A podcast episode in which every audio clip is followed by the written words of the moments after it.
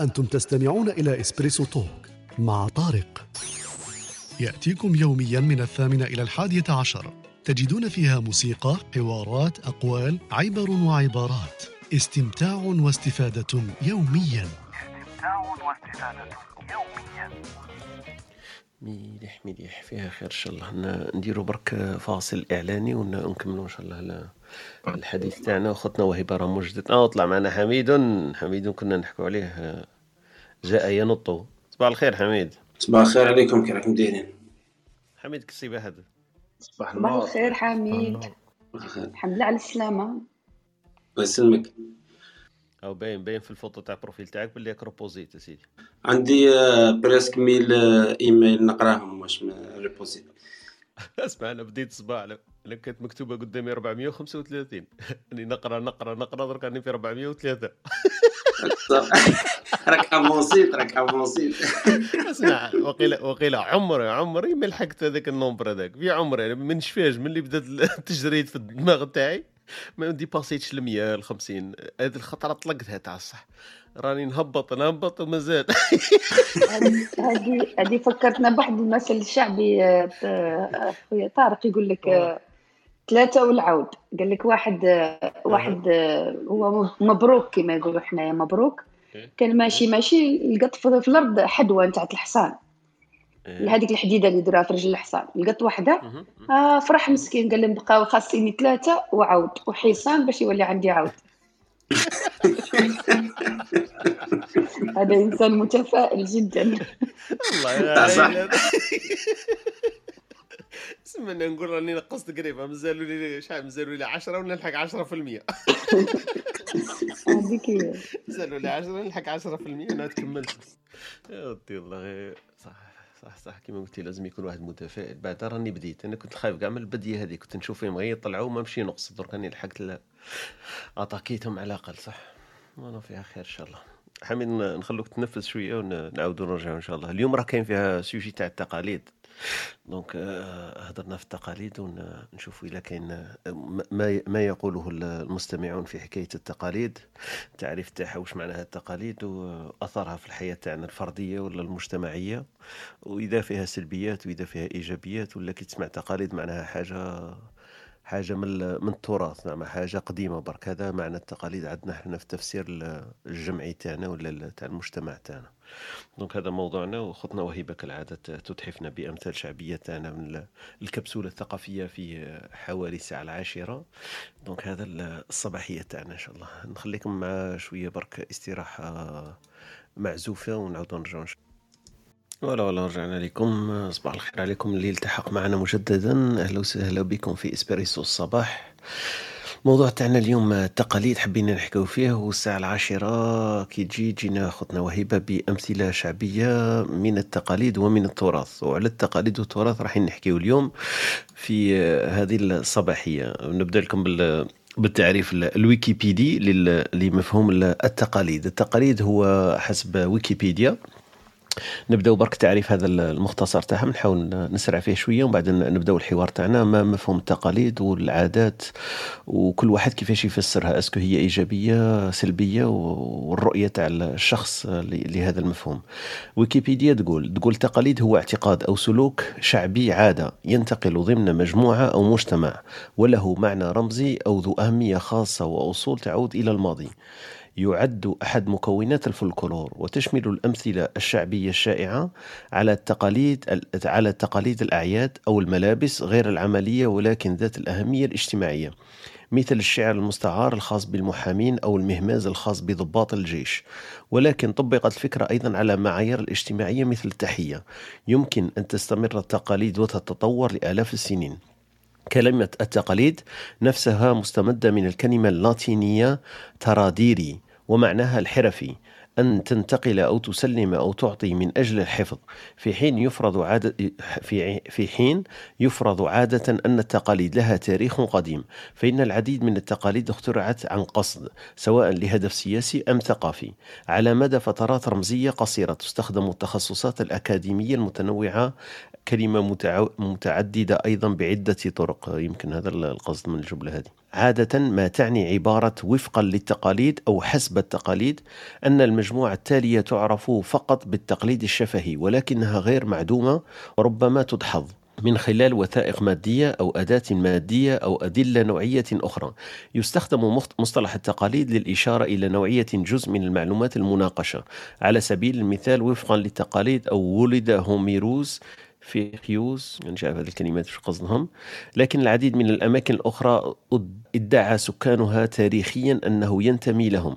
هذا التقليد قد لا يثبت أبدا أو يدحض. بون هذه بلا بلا جبوهم في الويكيبيديا دايرين ياسر آه، ياسر جمل وكلمات يمكن لا معنى لها. donc هذا التعريف المختصر في ويكيبيديا عن كلمة تقاليد هذه العادة اعتدناها مع أخونا يونس كان معنا وخطرة قالنا آه، أخونا ياسين وقالنا حسب حسب ما تقوله ويكيبيديا فولينا من هذاك ال- الوقت هذاك نروحوا الويكيبيديا ونشوفوا ما تقوله ويكيبيديا في المفهوم اللي راح نطرحه في الصباحية.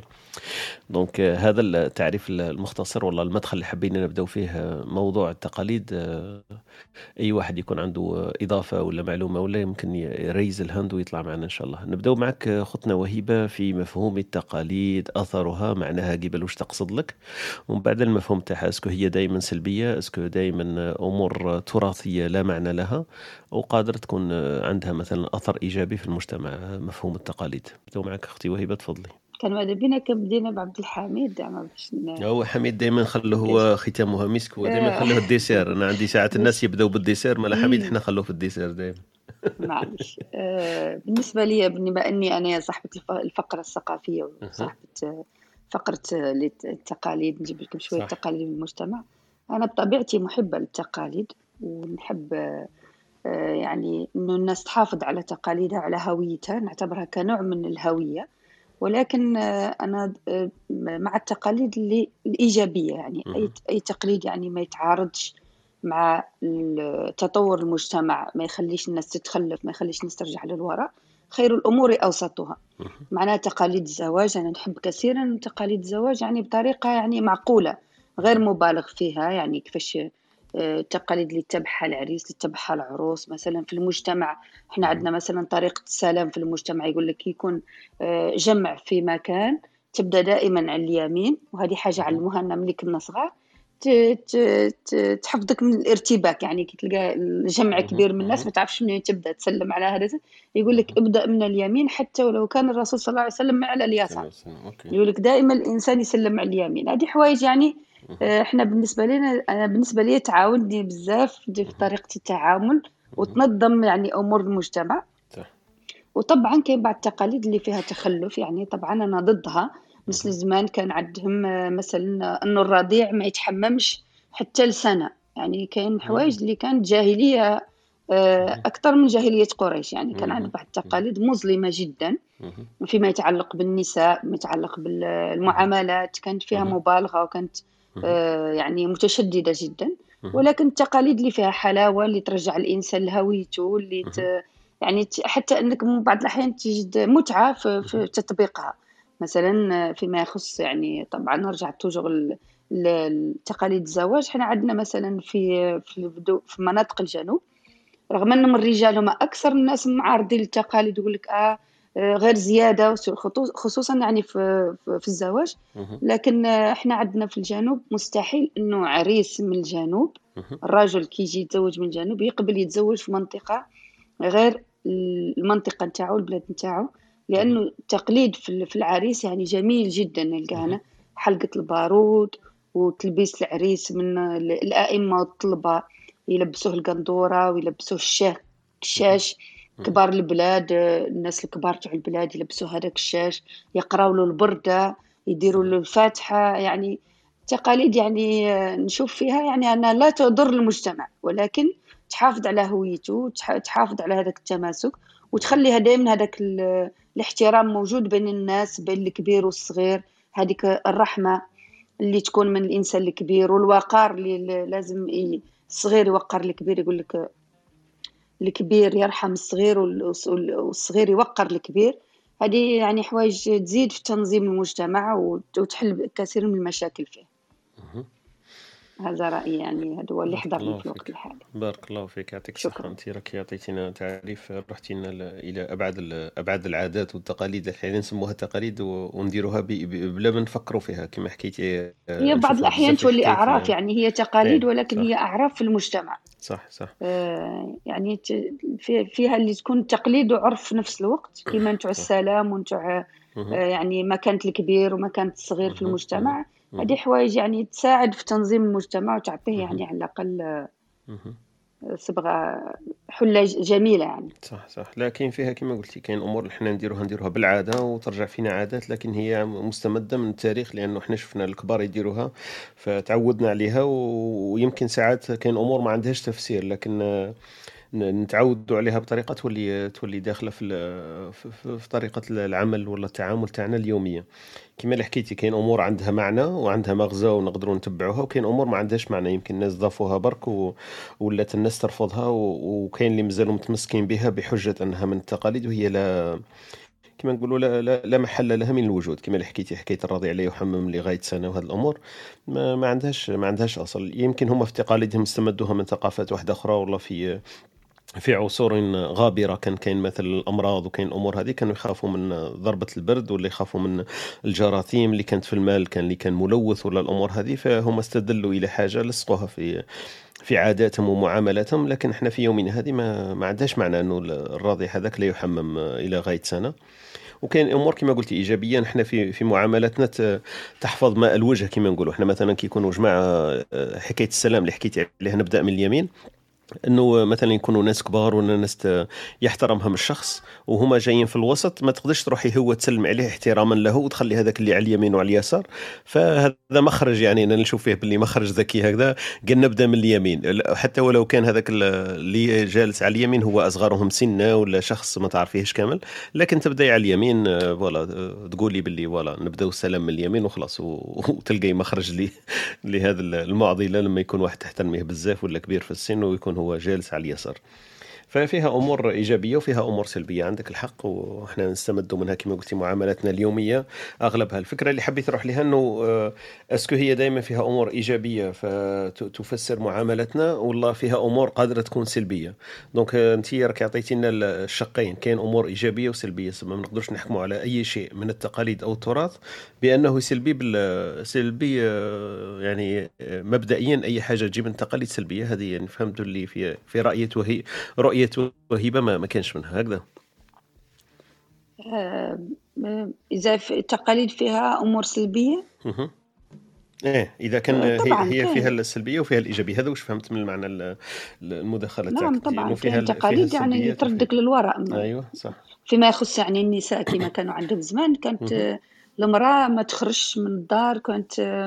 كان في التقليد نتاعهم في العادات نتاعهم مثلا. كانت ما تشوفش النهار. كانت كي تجي تخرج تخرج مثلا باش تروح لبيت أهلها ي- الزوج نتاعها يديها قبل صلاة الصبح. يحطها في دار أهلها وبعد صلاة العشاء. يرجعها لدارها معناها. هذه كانت عادات يعني ومن بعد مع تطور المجتمع وهذا والانفتاح وتغير العقليات وكاع. اليوم المرأة راهي وصلت أماكن اللي هذاك الإنسان ممكن اليوم راهو عايش عاش هذيك الفترة مهم. واليوم راهو عايش يشوف المرأة مثلا في البرلمان يشوف المرأة وزيرة يشوف المرأة. يعني ممكن حتى ممكن يتقبل ممكن ما يتقبلش. يعني بين الإكستريم هذاك اللي كان فيه حتى اليوم وأنا راهي المرأة. هذه تقاليد يعني المجتمع يعني رفضها الحمد لله مع تطور كي درست المرأة والناس تعلمت. وفي نفس الوقت الحاجة اللي عاونت حنا عندنا خصوصا في المناطق نتاعنا كي جاو مثلا رغم إنه الناس تقول الأئمة رب- ربما يكونوا متشددين لا في بعض المناطق يعني الأئمة هم اللي ساعدوا في في في, في إلغاء هذه التقاليد اللي ما تتوافقش مثلا مع الدين ومع ال- ومع ال- الفطره الفطرة السليمة. صح. الغاو وساعدوا الناس. مثلا كانت كان في البلاد كان كاين يكون واحد برك يعرف يقرأ. مم. كان ممكن البلاد كل كان فيها خصوصا وقت الاستعمار. كان البلاد كل كان فيها واحد يعرف يقرأ وكانت الناس كل اللي عنده برية يروح له يقرأها ليه اللي عنده ده. ولكن كي جاو ال- ال- العلماء وجاو هاد الأئمة وهادو فتحوا المدارس القرآنية وبداو يعلموا الناس والناس بدات تتعلم وبدات النساء كذلك تقرأ القرآن وبدا يعني هذا كان نوع التعليم المتوفر الوحيد. غير المدارس يعني اللي كانت نتاع فرنسا في هذاك الوقت. هذه حاجة طورت المجتمع وساعدت إنهم مثلا ولات المرأة تسأل آه، زمان كانت المرأة لا تسأل في الزواج مثلا آه، جاها واحد يقول لك ما تتسولش يعني جا العريس يعطوها directement ما كانش هذه سولها قابلة ماشي قابلة. وبن عمها وكان زمان إنه ولد العم هو الأولى. معناها يح- ميم لك كان في مناطق كان العرس قائم اليوم العرس كي يجي ولد عمها يقول لا أنا باغيها يحبسوا هذاك العرس ويديها ولد عمها. يقول لك آه،. آه، اللي دا بنت عمه ين- ينقص همه أنا نسيت المثل هكا. حاجة هكا عندنا مثل متداول. إيه. لا ترفد همه يقول لك اللي يدي بنت عمه ترفد همه. OK. معناها كان ابن العم هو الأولى في, في البنت إنه تتزوج مم. ابن عمها قبل الغريب. هذه عادات اليوم الحمد لله ما بقاتش موجودة في المجتمع وأصبح المرأة عندها الاختيار. وهي أكثر واحد نقدر نشوفه متضرر من هذه العادات المظلمة وال. وال- وال- والسلبية هي المرأة طبعا. لأنه الرجل دائما كان صاحب قرار وكان رغم أنه في بعض الأحيان فيه تضارب آه، في المصالح بينه وبين الأهل وده ولكن هذه العادات اليوم بقى منها فقط العادات الجميلة اللي نشوفها أنا اللي ممكن في الزواج ولا عادات آه،. في المجتمع نتاع المتعارف. عليها اللي هي الألبسة عرف. في الألبسة ولا ممكن. فقط يعني كأنها تقليد يعني كأنها سياحة. يعني في الألبسة فقط في العرس ولا في هذا الناس اللباس تغير طبعا مع صح. الوقت. آه، بارك الله فيك يعطيك الصحة أختي وهبة. آه، خونا كريم كلمة تقاليد كي تسمعها أنت واش يجي في راسك؟ حاجة حاجة من التراث ولا كاين حاجة كيما نقولوا هي تربط المعاملة تاعك بينك وبين الناس؟ صباح الخير عليكم. وصباح الخير على الإخوة المستمعين. والله يا أخويا طارق أنا ممكن عندي شوية نظرة مغايرة للعادات والتقاليد. لا أدري لماذا لكن ممكن بحكم أني عشت بزاف في خارج البلاد وساعات ساعات نلقى يعني عادات وتقاليد في الجزائر ما عندها حتى معنى. ولا يعني حتى خارج فيها فيها يعني فيها عادات ملاح. بصح لازم نحكي يعني على الشقين يعني الشق ال- الإيجابي والسلبي. آه، الشق الإيجابي كاين عادات يعني ملاح بزاف. يعني الإنسان يحترم ال- ال- ال- الكبير ولا تعطف على واحد. يعني ممكن حوايج مست- مستمدين حتى من الدين تاعنا ولا من تعاليم الإسلام.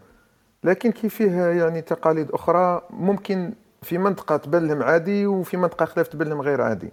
يعني الجزائر ربي يبارك هي زوج ملايين ونص كيلو يعني فيها عادات وتقاليد مختلفة من منطقة إلى أخرى. وممكن يعني في بعض الأحيان إحنا عاداتنا في الشرق مختلفة على العادات تاع الخوه في الغرب والعكس صحيح. وفيه يعني عادات اللي تشوف ممكن هم تبان لهم عادي إحنا تبان لهم مش عادي والعكس صحيح أيضا. دونك شوية موضوع شائك يعني والله ما في كاين عادات أنا اللي ما نتقبلهمش مثلا ما ما, ما يدخلوليش راسي tout simplement لانهم يبانوا لي حوايج ما ماوش غير دار عليهم الزمن كما يقول لك. normalement ما يكونوش حتى في مجتمع مسلم. وهذا الإشكال يعني تلقى عادات ما على باليش أنا نحكي لك وجهة نظر فقط يعني ممكن. يعني أنا بكري أنا كنت نشوف الزوي مثلا كانوا في عهد الثورة وفي وقت بن باديس الله يرحمه كانوا يقريوا الناس يعني ال- القرآن. كانوا يعني ساهموا بزاف في آه، المجتمع يعني خلوه إسلامي يعني ما خلوش المال على الرغم من أن فرنسا مثلا حاولت يعني تدمر يعني طمس الهوية الوطنية ولا تبدل اللغة ولا آه، تتحول الناس المسيحية. الزوي الوقت هذا كانوا يديروا يعني حاجة مليحة. دركا ممكن آه، كاين زاوية من زاوية. راك تشوف كاين واحد العادات غريبة وعجيبة. يعني هضرت هذيك النهار قلت لك في واحد المنطقة في الشرق عندنا ما نقولكش الاسم آه، السيد ميت وما بالبندير. أخويا اجبد لي في الدين ولا الحكم تاعها ما نعرف الشرعي ولا ال- الواحد في العادات. فاهمني إيه.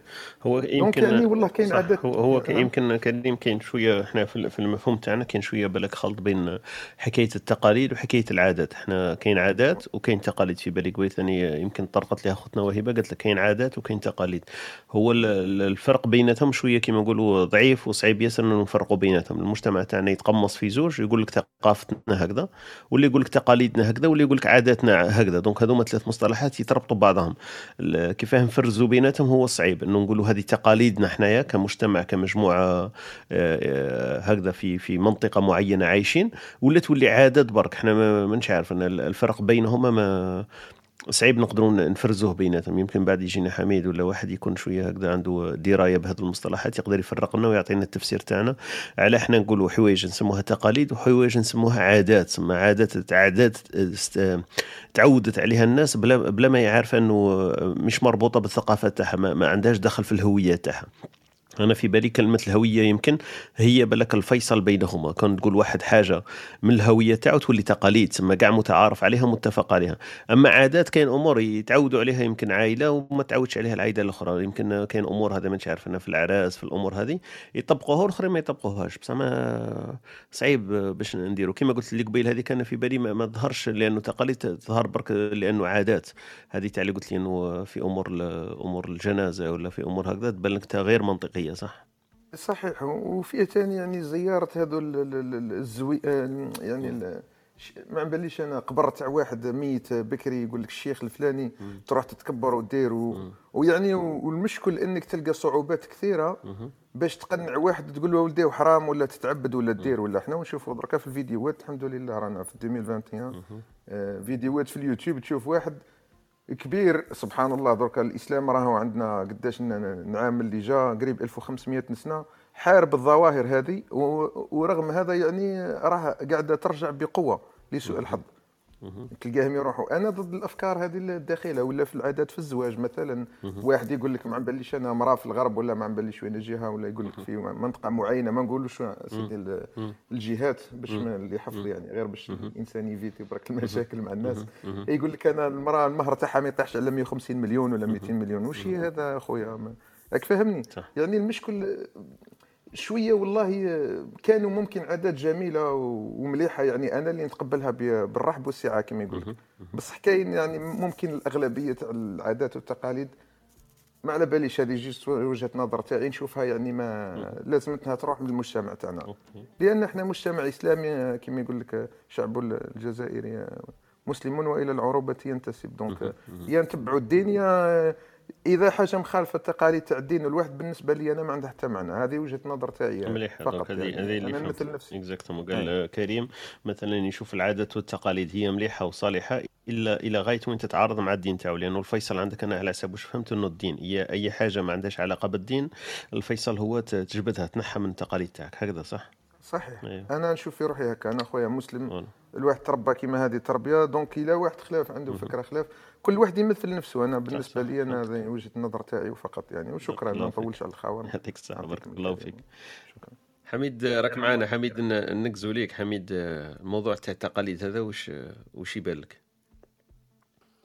آه، والله ماني عارف. عنديش علم اللي ما ما, ما سيتش نفهم فيها mais آه، نظن قلت التقاليد والعادات نظن التقاليد هما la, façon كيفاش تترانسميتي العادات mais العادات هما هما les gestes والصوالح اللي نديروهم مهم. مي آه، نظن آه، مش عارف كيما شغل كيما في الدين هكا عندك آه، ال rituel هذاك مهم. tout ce qui تعبدي ما تبوزيش بزاف les questions parce que جاية من عند ربي. وما يقول لك التقاليد يخرجوا من الأرض ولا العادات يخرجوا من الأرض و... والدين يجي من السماء. donc quelque part شغل c'est une manière d'organiser la société هذيك ولا ال micro société عايشين فيها. باش نديروا كاع les mêmes gestes وشغل ن synchroniser التفاهم تاعنا. يسمى معناتها باللي اي واحد ما يخضعش لهذيك العادات وكل شيء. معناتها راه باغي يدير حاجة سواء راه باغي يتقلب على الجماعة ولا راه باغي يدير حاجة يسمى باش ي sécuriser روحهم باللي كاع راهم عندنا نفس العادات من بعد bien sûr. ال code شغل code code تاع آه، circulation قال متفاهمين فيه كاع يسين هذا هو. الكود هذا هو الميثاق اللي نتفاهموا ونمشوا عليه. هي ما عندهاش logique ما نعم. عندهاش logique. معناتها باللي انت كي تقول لي تصلي تركع هكا تسجد ما عندهاش بزاف logique. كيف كيف كيما العادة تقريبا la même chose تدير دير حاجة وانت ما علابالكش علاش راك ديرها بزاف. وكاين اللي عندهم شوية logique هكا يقول لك باللي عندهم حاجة pratique parce que كانوا يديروا هكذا parce que كانوا يجيبوا العروسة من هذيك الجهة parce que كانت كاينة هكذا. ومن بعد كاين superstition تدخل داخل اللي هي ال- شغل مرات يديروا corrélation شغل كل ما يديروا حاجة. هذيك الحاجة تصرى مليحة مثلا نقولوا يديروا هذيك العادة معناها العام الجاي الغله تكون خير. صوالح كيما هكذا شغل ماشي تطير بصح ديرها فال ولا. في البوزيتيف زعما. من بعدك عندك عادات براتيك بيان سور كيما كيما مركب النبي زكا بزاف تويزا تويزا كي شغل هذيك اللي آه، اللي شغل كانوا قاعد يتجمعوا وي- وينحوا الزيتون ولا يديروا لاكيات كل واحد يعاون خوه هاك شايف. ولا ينشروا القمح. كانت كاينة صوالح اللي كانت تربط المجتمع plus. Donc كاين واحد العادات اللي mais الحرب اللي دارها كبيره كاع ما كاش شعب مربوط بالتقاليد كيما الصين على بالك. la Chine هما ال problème الكبير كاع عندهم parce que العائلة تقدر توصل حتى 120 إنسان وكاع. donc vraiment كانوا مربوطين grave بالتقاليد. وكي جا Confucius هو اللي دار la mise à jour هو اللي دار le tri وقال بلي ما نسمحوش في ال- في التقاليد complètement mais نديروا لهم des mises à jour ون adapter وهم. ونديروا une sélection هكا ونمشوا فيها. وزاد فيها صوالح. وهذاك الفكر الكونفوسيوسي هو اللي نجح في la Chine بزاف. donc quelque part أنا أنا مع Confucius في هذا ال sens c'est-à-dire كاين des choses اللي عندهم un sens هكذا و تصرا des mises à jour mais en tout cas pour l'instant راك شايف راك شايف بلي ماناش نقدروا نخلقوا عادات جدد وكل شيء. تسمى باينه باينه رايحه غير transmission برك. ماناش نديروا حاجة زيادة ولا mise à jour ونبعثوها ولا. donc à mon avis واه donc نظن نظن une mise à jour هكذا وين نخلوا ال minimum و- ونقدموا هكذا مثلا في الاعراس وكل شيء راك شايف باللي مثلا دروك راهم يديروا في les salles ومشي يديروا في الديار parce que parce que كي كي تتبدل la société المشكلة c'est que حنا ما نخلقوش la société donc تنخلق quelque part ومن بعد تجي حنا نورثوها برك la subit. donc quand la subit م- تت- تتعارض مع واحد الصوالح يكونوا عندنا. donc on est obligé de faire de faire avec كيما صرات مثلا تاع les appartements كل واحد ولا في appartement كانوا يعيشوا كاع في دار وحدة من بعد ولا كل واحد في appartement تسمى ضياقوا les appartements ما قدروش يديروا الاعراس فيهم. مع الأول كانوا الجيران يتعاونوا يحلوا الدار وكل شيء. من بعد ولاو الجيران طومبورار بزاف يكروا يروحوا ما ولاوش هما لي بروبريتير دونك ما ولاتش هذيك العقديه تاع تحل دونك ولاو يديروا شوية برا من بعد من بعد كي ولاو لي زانتومبيري ما تقدرش دير مرات الشتاء مرات هذا كله دارت جات ال- لا مود تاع تاع لي صال شايف اسكو هادو هادو يأثروا كلارينات باسكو عندها ان امباكت ديريكت مع ليكونومي تاع الإنسان هذا كل شيء. دونك ما تقدرش شتو هو شعال شعال تقدر تدفع الدراهم باش تخلي هذاك التقاليد ومن بعدك عندك l'État اللي l'État شغل وزاره الثقافة وكل شيء تحط دراهم وكل شيء باش باش تحافظ على ال minimum تاع الفولكلور. تاع الفولكلور. الجانب الفولكلوري. برك تاع التقاليد. ماشي بزاف التقاليد parce que التقاليد مسؤولية تاع الشعب. بصح الشعب هذاك تخلطت عليه parce que كانوا بكري مثلا آه، la notion تاع الجار كان يعاون الجار تاعو يكون يكون يكون سارق ولا ولا يكون ولا يكون كاين آه، النار ولا donc كان يعاونوا في ال- في المصايب ومن بعد كل كل كل service داتو حاجة تاع الدولة. مثلا آه، النار دخلوا les pompiers. من بعد داك السراق دخل la police. Donc كي دخلت هذه les structures جدد تقاليد ولاو غير يتفركتوك شايف؟ وهادو الصوالح حنا ما درناهمش حنا ورثناهم. جات une administration من برا ودرناها. donc هما هما يقولوا باللي depuis le moment وين l'État سرق. سرق تنظيم المعيشة من les tribus. وداها وحطها عنده. راهو يجري فيها شغل راهي centralisée دروك و puisque راهي centralisée التقاليد يفقدوا بزاف المعنى تاعهم. OK. الحقيقي اللي هو التعاون وهذوك الصوالح donc تولي شغل عبء plus que plus que. ومن بعد كي يدخل لا- l'affaire تاع la différence في ال- في المستوى المعيشي واحد مرفه كي يطبق التقاليد مثلا ما يخليكش تطبقهم ب la même manière تما انت تبغي تتبعو بعدك تبغي تتبعو ما عندكش هذوك الدراهم تاعو مثلا في العراس شايف. donc donc كاين دائما شغل جانب هذو كاع صوالح هذو تريتاهم كونفوسيوس وعطى لهم des solutions شابين هكا وين وين خلى la Chine تقعد في التقاليد تاعها وت avancer. وهذا هو le but finalement الله أعلم.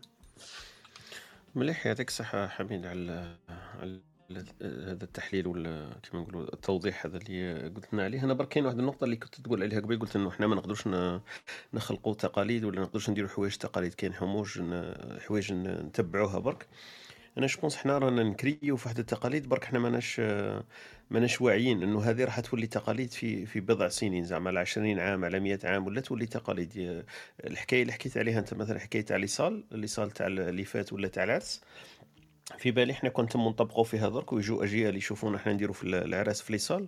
بالنسبة لهم تولي تقاليد إنه العراس دار في ليصال. تحكي له تقول له باللي بكري كانوا يديروا الناس الع- العراس في ال- في الحواش ولا في السطح ولا في في, في الدار تاع تاع الأهل اللي هي كبيرة ولا تاع الحارة اللي هي كبيرة يقول لك ما كاينش من هذا أنا ما شفتهاش وماش داخلة من التقاليد تاعنا. هما ما يشوفوهاش ما, ما تناقلتش ليهم هما ما وصلتهمش فما يشوفوهاش. دونك هذه النقطة برك اللي أنا حبيت نقول باللي بالك إحنا رانا نخلقوا في تقاليد جديدة وما على بالناش برك. يمكن حكاية ال- الأمور التقنية هذه ولا أمور كما هكذا راح تولي عند جيل راح يسبق راح يلحق بينا إحنا يجي بعد سنين يولي هو عنده هو تقاليد.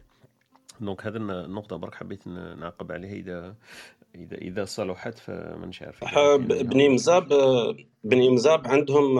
مثلا كنت احكي معاهم شغل يشوفوا ال problème وراه ويتريتوه. في ال niveau عالي ومن بعد يبدأ يهبط لكاع لتحت. donc donc هما هذه تاع la salle وكل شيء كان عندهم même بصح هما تريتوها autrement شايف. حنايا هربنا للقدام حنا ماشي زعما خلقنا تقاليد. شغل ما ما قدرتش دير التقاليد الأولى ما قدرتش ديرها تما هربت برك. ما ماشي زعما تكري في حاجة هارب وخلاص. مث- مثلا من بعدك ولات ال- الكورونا وكل شيء. درك ممكن les salles ينقص. تنقص الدرجه تاعها ممكن نعاودوا نولوا حاجة واحدة أخرى. بصح هي c'est des choses pratiques برك. c'est l'innovation. ماهيش تقاليد هكا تفهمنا عليها وقلنا نديروا كيما هكا parce que عندها un but هذه هذه تصرى مثلا في ال- في المجتمعات الصغيرة كيما تاع بني مزاب وكل شيء نعم. يديروها تاع صح يتفاهموا يقولوا بلي هذا هم هذه la mise à jour تاع التقاليد مثلا لا بصح اللي كي على حسب واش فهمت أنا إنه هي التقاليد كما قلت قبيل أنت إنه كود معترف عليه برك باش الناس. كما نقولوا ينظموا المعاملات تاع بينهم وبين أنفسهم donc من هذاك المبدأ إذا هما تفاهموا آه، الأغلبية أكيد ما يكونوش 100% لكن يكونوا الأغلبية قال متفاهمين باللي voilà ال- ال- الطريقة تاع اللباس تاعهم ولا طريقة تاع ال- الخطبة ولا الزواج ولا العمل ولا مانيش عارف أنا الخروج تاعهم ولا التنظيم تاع الأسواق تاعهم ولا تولي تقاليد قال voilà. وين وين كاين. مثلا كما قلت قبيل هذه حكاية التويزه هذيك كانت كانت nécessité هي كانت لازمة لأنه ما مستحيل باش واحد وحده هكذا يقدر يبني السطح تاعو ولا يدير كيف نسموها السقفة هذيك تاعو ولا. فكانت عادة التويزه هذيك آه، لحاجة لضرورة ولات عادة من بعد لأنه لازم يتعاونوا في المجتمع sinon ما يقدرش يلبيها وحده. في وقتنا هذا ولات كما قلت أنت لأن أمور مادية دخلت عليها وكاين أمور دارت substitution كما قلت قبل حكاية les pompiers هذيك النار صح. الناس ما تحتاجش المعاونة لأنه كاين أمور واحدة أخرى حلت ونظمت ال- الأمور هذيك اللي كانوا حاصلين فيها فلقات لها حلول من غير التعاون. لكن العادات والتقاليد تبقى يعني ماهيش ال- ال- الفكرة هي المعاونة مش الفكرة أنه شيء على وهي يتعاونوا. يمكن يتعاونوا على على ضاله لكن الآن اليومين هذا ما يتعاونوا. حتى أنا نشوف هذيك في اللمة تاع العرس راهي تعاون. يتعاونوا في الفرح هذاك ولا يتعاونوا في مشاركة مش عارف أنا المتاعب تاع الزواج هذاك لأنه الناس تجيب هدايا تجيب كذا. إحنا ما لأنه عطاوها صبغة يمكن برك واحدة أخرى. مثلا إحنا المساعد هذيك في العرس ما يعطولوش ما يعطولوش أواني ولا على حسب المناطق. يعطولهم مثلا إحنا مش عارف الجهة تاعنا يمدوا في الحنة يمدوا دراهم. donc هذيك تسمى معاونة في العرس هذيك في التكاليف تاع العرس رغم أنه إحنا نقولوا دركا بلي آه، هذيك المعاونة هذيك المبلغ المادي اللي يعطوه له في العرس ما يكفيش آه، متاعب تاع العرس لكن كون نشوفوا الأساس تاعها من الأول هي معاونة لهذاك ال couple الجديد يعاونوه في في التكاليف تاع إيه، العرس هذو. هما اللي هذو هما les adaptations اللي كنت نحكي عليهم. مثلا. تخرج كاين les jeunes درك كاين quelques jeunes راهم يديروا شغل des listes. ويش liste. يعطوها للعريس. والعروسه ومن بعد هما يديروا واش حبوا هما والناس صحابهم وكل شيء يشوفوا كاع ديك la liste وكل واحد soit يحطوا دراهم باش لهم Exact. soit واحد يقول باللي شريتها. هذه c'est une bonne adaptation c'est. ça ce que je voulais. dire وكاين مثلا وهيبة راهي معانا تخدم grave عندها هي déjà créatrice de mode وكل. شيء وتخدم على التقاليد justement. هي دير في la mise à jour هذه. c'est-à-dire عندها هي عندها جانب أنه تاع التقاليد شايفة كيفاش اللباس تاع الصحراء وكل شيء تحوس تعطيه طابع. جديد و luxueux وكل شيء donc هي خدمتها أصلا وال projet تاعها راه رايح فيها. تقدر هي développer plus إلى مهم. صح أختي وهبه ما ما حكينا على الجانب التقاليدي وما جبدناش الجانب ال- جانب اللباس التقليدي هذاك و est-ce que هو صح نعتبره تقاليد ونخلوه ما نمسوهش ونقدسوه. ولا عندنا حنايا مثلا الحق ولا نقدروا نسمحوا لأنفسنا أمور التقاليد هذه نضبطوها شوية. ونبدأو مثلا من حكايه اللبسة. est-ce que إحنا مثلا في اللباس تاعنا كاين لباس تقليدي لكن هذا اللباس التقليدي هل هو مقدس؟ قال نلبسوا بالطريقة هذه ويبقى كالطريقة هذه. فالتقاليد ما لازمش نمسوها. نقدروا نديروا حاجة و un créateur نسموها création جديدة. ماهيش هي تقاليد مستمدة من التقاليد لكن مش هي التقاليد. بس كنت تشوفي باللي يكون مثلا الاطرف اللباس التقليدي مثلا الصحراوي ولا الجنوبي ولا النايلي نقدروا نتوشيو فيه نرتوشيو فيه نجدوه مثلا لكن يبقى هو التقليد لم- لما انت تديري مثلا روبة هكذا création تاع عرس آه، وتجي وتقولي هذه هي التقاليد ال- المنطقة تاعنا تاع آه، تاع أولف est-ce que نقدروا نقولوا واه هذه هي تقاليد أولف رغم أنك دخلت عليها بعد التعديلات والإضافات بالنسبة لللباس التقليدي أنا مع أنه يحافظ مهم. على آه، على هويته طريقة آه، صناعته آه،. نفس القماش. نفس إذا كان ما يتعارضش يعني مع. الكونفور ما يكونش حاجة يعني مستحيلة أنه الإنسان يرتديها لكن بالنسبة للتطوير. يمكن طبعا نطوروه باش نستعملوه في في الحياة اليومية مثلا ناخده ف- فقط لمسة منه تكون في لباسنا اليومي أو آه، ممكن. آه، الموديل يعني ممكن نستوحاه من اللباس التقليدي تاعه لكن إذا جينا نطوروه نطوروه ممكن آه، في يوم من الأيام نفقدوا هذيك هذاك اللباس الأصلي. هذه اللي حبيت نلحق لها. هنايا ورا وراهي وراهي مثلا نقطة ال- نقطة اللا رجوع. وراهي النقطة اللي نحدوها إحنا نقولوا هنا وما نزيدوش. هنا نسموها تطوير إلا فتنا هذيك النقطة نس- نسموها تحريف. وكيفاش نقدروا نعرفوا هذيك النقطة هذيك؟ هو هو هو الأصلي يبقى كمرجع يبقى مهم. ولكن يمكن كما كما كما الوصفة مثلا. كي تكون revisitée معناها الإنسان طور فيها ولكن الوصف الوصفة الأصلية دائما تبقى مهم. اللباس هذاك التقليدي الأصلي يكون دائما موجود. مثلا ممكن حتى إذا كان اختيار اختيار الإنسان إنه يلبسه modernisé ولا متطور. ولا يطور فيه ولا يدير فيه لمسة عصرية. كما نشوفهم اليوم يقدروا يلبسوا la veste نتاع الكراكو avec un jean avec un. pantalon يعني في في les réceptions ولا في مهم. المحافل تقدري تلبسيه مهم. أو تلبسيه بالسروال المدور هذه حاجة ترجع لك انت كيفاش مهم. شايفة كيفاش شايفة نفسك في هذاك اللباس التقليدي. est-ce que تقدي تلبسيه كيما راهو ومرات يكون مستحيل لو كان خارج مش باش تاخذ به صورة اليوم أصبح يعني. لباس تقليدي فقط باش تاخذ به صورة كي يكون أصلي غير مطور. ولكن إذا حبيتي تستعمليه في في الحياة اليومية وتطوريه؟ ممكن. ممكن. ولكن أنا نظن الأصل لازم يبدأ أصل حتى ما تضيعش هوية هذاك اللباس. إذا نطوروه نطوروه ممكن من 100 سنة يبدأ كاع يتلبس بالسروال avec un pantalon classique. ولا avec un jean يعني ممكن الناس تنسى كاع تماما إنه في وقت من الأوقات كان يتلبس مع السروال المدور. صح. لكن أنا نشوف هذه كمان النقطة اللي طرقت عليها أختي وهبه قلتي إنه الناس تلبس آه، تقليدي باش تتصور به فقط. أنا نشوفها تبقى نقطة إيجابية لأنه الناس أصلا تفتخر بحاجة اللي تتصور بها فتفتخر بها. مستحيل إنه واحد يتصور بحاجة مش مفتخر بها في الأصدقاء والأحباب. حتى نشوفها في الجانب الشخصي لما واحد تعزه بزاف ولا تقدره تحب تتصور معاه. حتى الفنانين والمشاهير فتتصور أنت مع واحد لاعب كرة ولا فنان ولا موسيقي ولا مبدع ولا تصور معه لأنك تفتخر به. سما حاب تبين هذيك اللحظة تثبتها هكذا في في في صورة فتتصور بها. أنا في بالي لما الناس مادامها راهي ماهيش آه، كما نقولوا مش سامحة في اللباس التقليدي. صح ترت- ترتديه برك. مثلا نهضروا على الجانب اللباس واللباس ليس هو التقاليد. أنا حاب نرجع هذه النقطة أنه لما نحكيو على التقاليد هذه كنت حاب نستفسر فيها ونوضحها أنه لما نحكي على التقاليد ما نحكوا على اللباس فقط ولا على الأكل فقط ولا على الموسيقى فقط. راه كاين ياسر أمور تدخل تحتها تحت قبعة هذه ولا تحت مظلة التقاليد. فنربطها برك باللباس آه، أنا في بالي خطأ. لكن إحنا نحكوا على الجانب اللباس آه، كلباس. ما دام هالناس راهي كما نقولوا تعترف بها فمازال تلبسها في ال- في الحفلات والأعراس تاعها. نقطة إيجابية أنه تتصور بها برك ومعليش ما تلبسهاش كل يوم. فهذا صح لأنه الجانب هذاك كيف نسموه ال- البراكتيسيتي زعما ماهيش حاجة عملية أنك تلبس هذاك القفطان كل يوم لأنه مستحيل تعاود تغسله ومستحيل تخدم به وتروح ليه الشغل لأنه فيه أمور هكذا كما نقولوا غالية وكل شيء. هذه أنا نشوف فيها بلي صح لأنه الجانب العملي ما يسمحش أنه نرتديها كل يوم. لكن لو فات أنه برك نتصوروا بها أنا مش نشوف فيها ب- بالسلبية هذيك لأنه أنا نشوف فيها بلي إيجابية لأنه الناس مازالت تفتخر بها هذا الدليل عندي أنا. نشوف بها مازالت الناس مفتخرة بها تتصور بها على الأقل.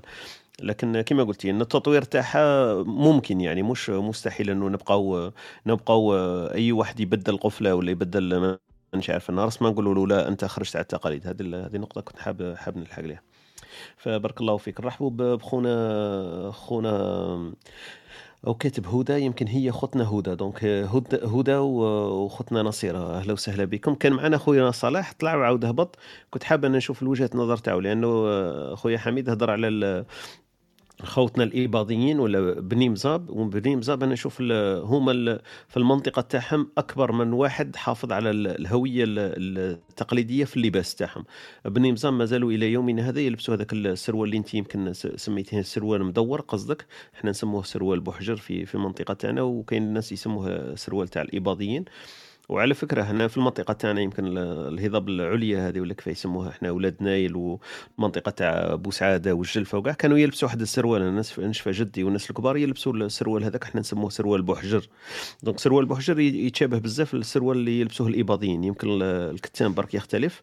وخوتنا ما من القبائل أنا نشوفوا في الكراكو يلبسوا هذاك السروال donc أنا نشوفوا باللي راه عابر عابر المناطق الجزائرية كامل. حتى في الغرب يمكن يلبسوا هذاك سروال بحجر يسموه برك اسم واحد آخر.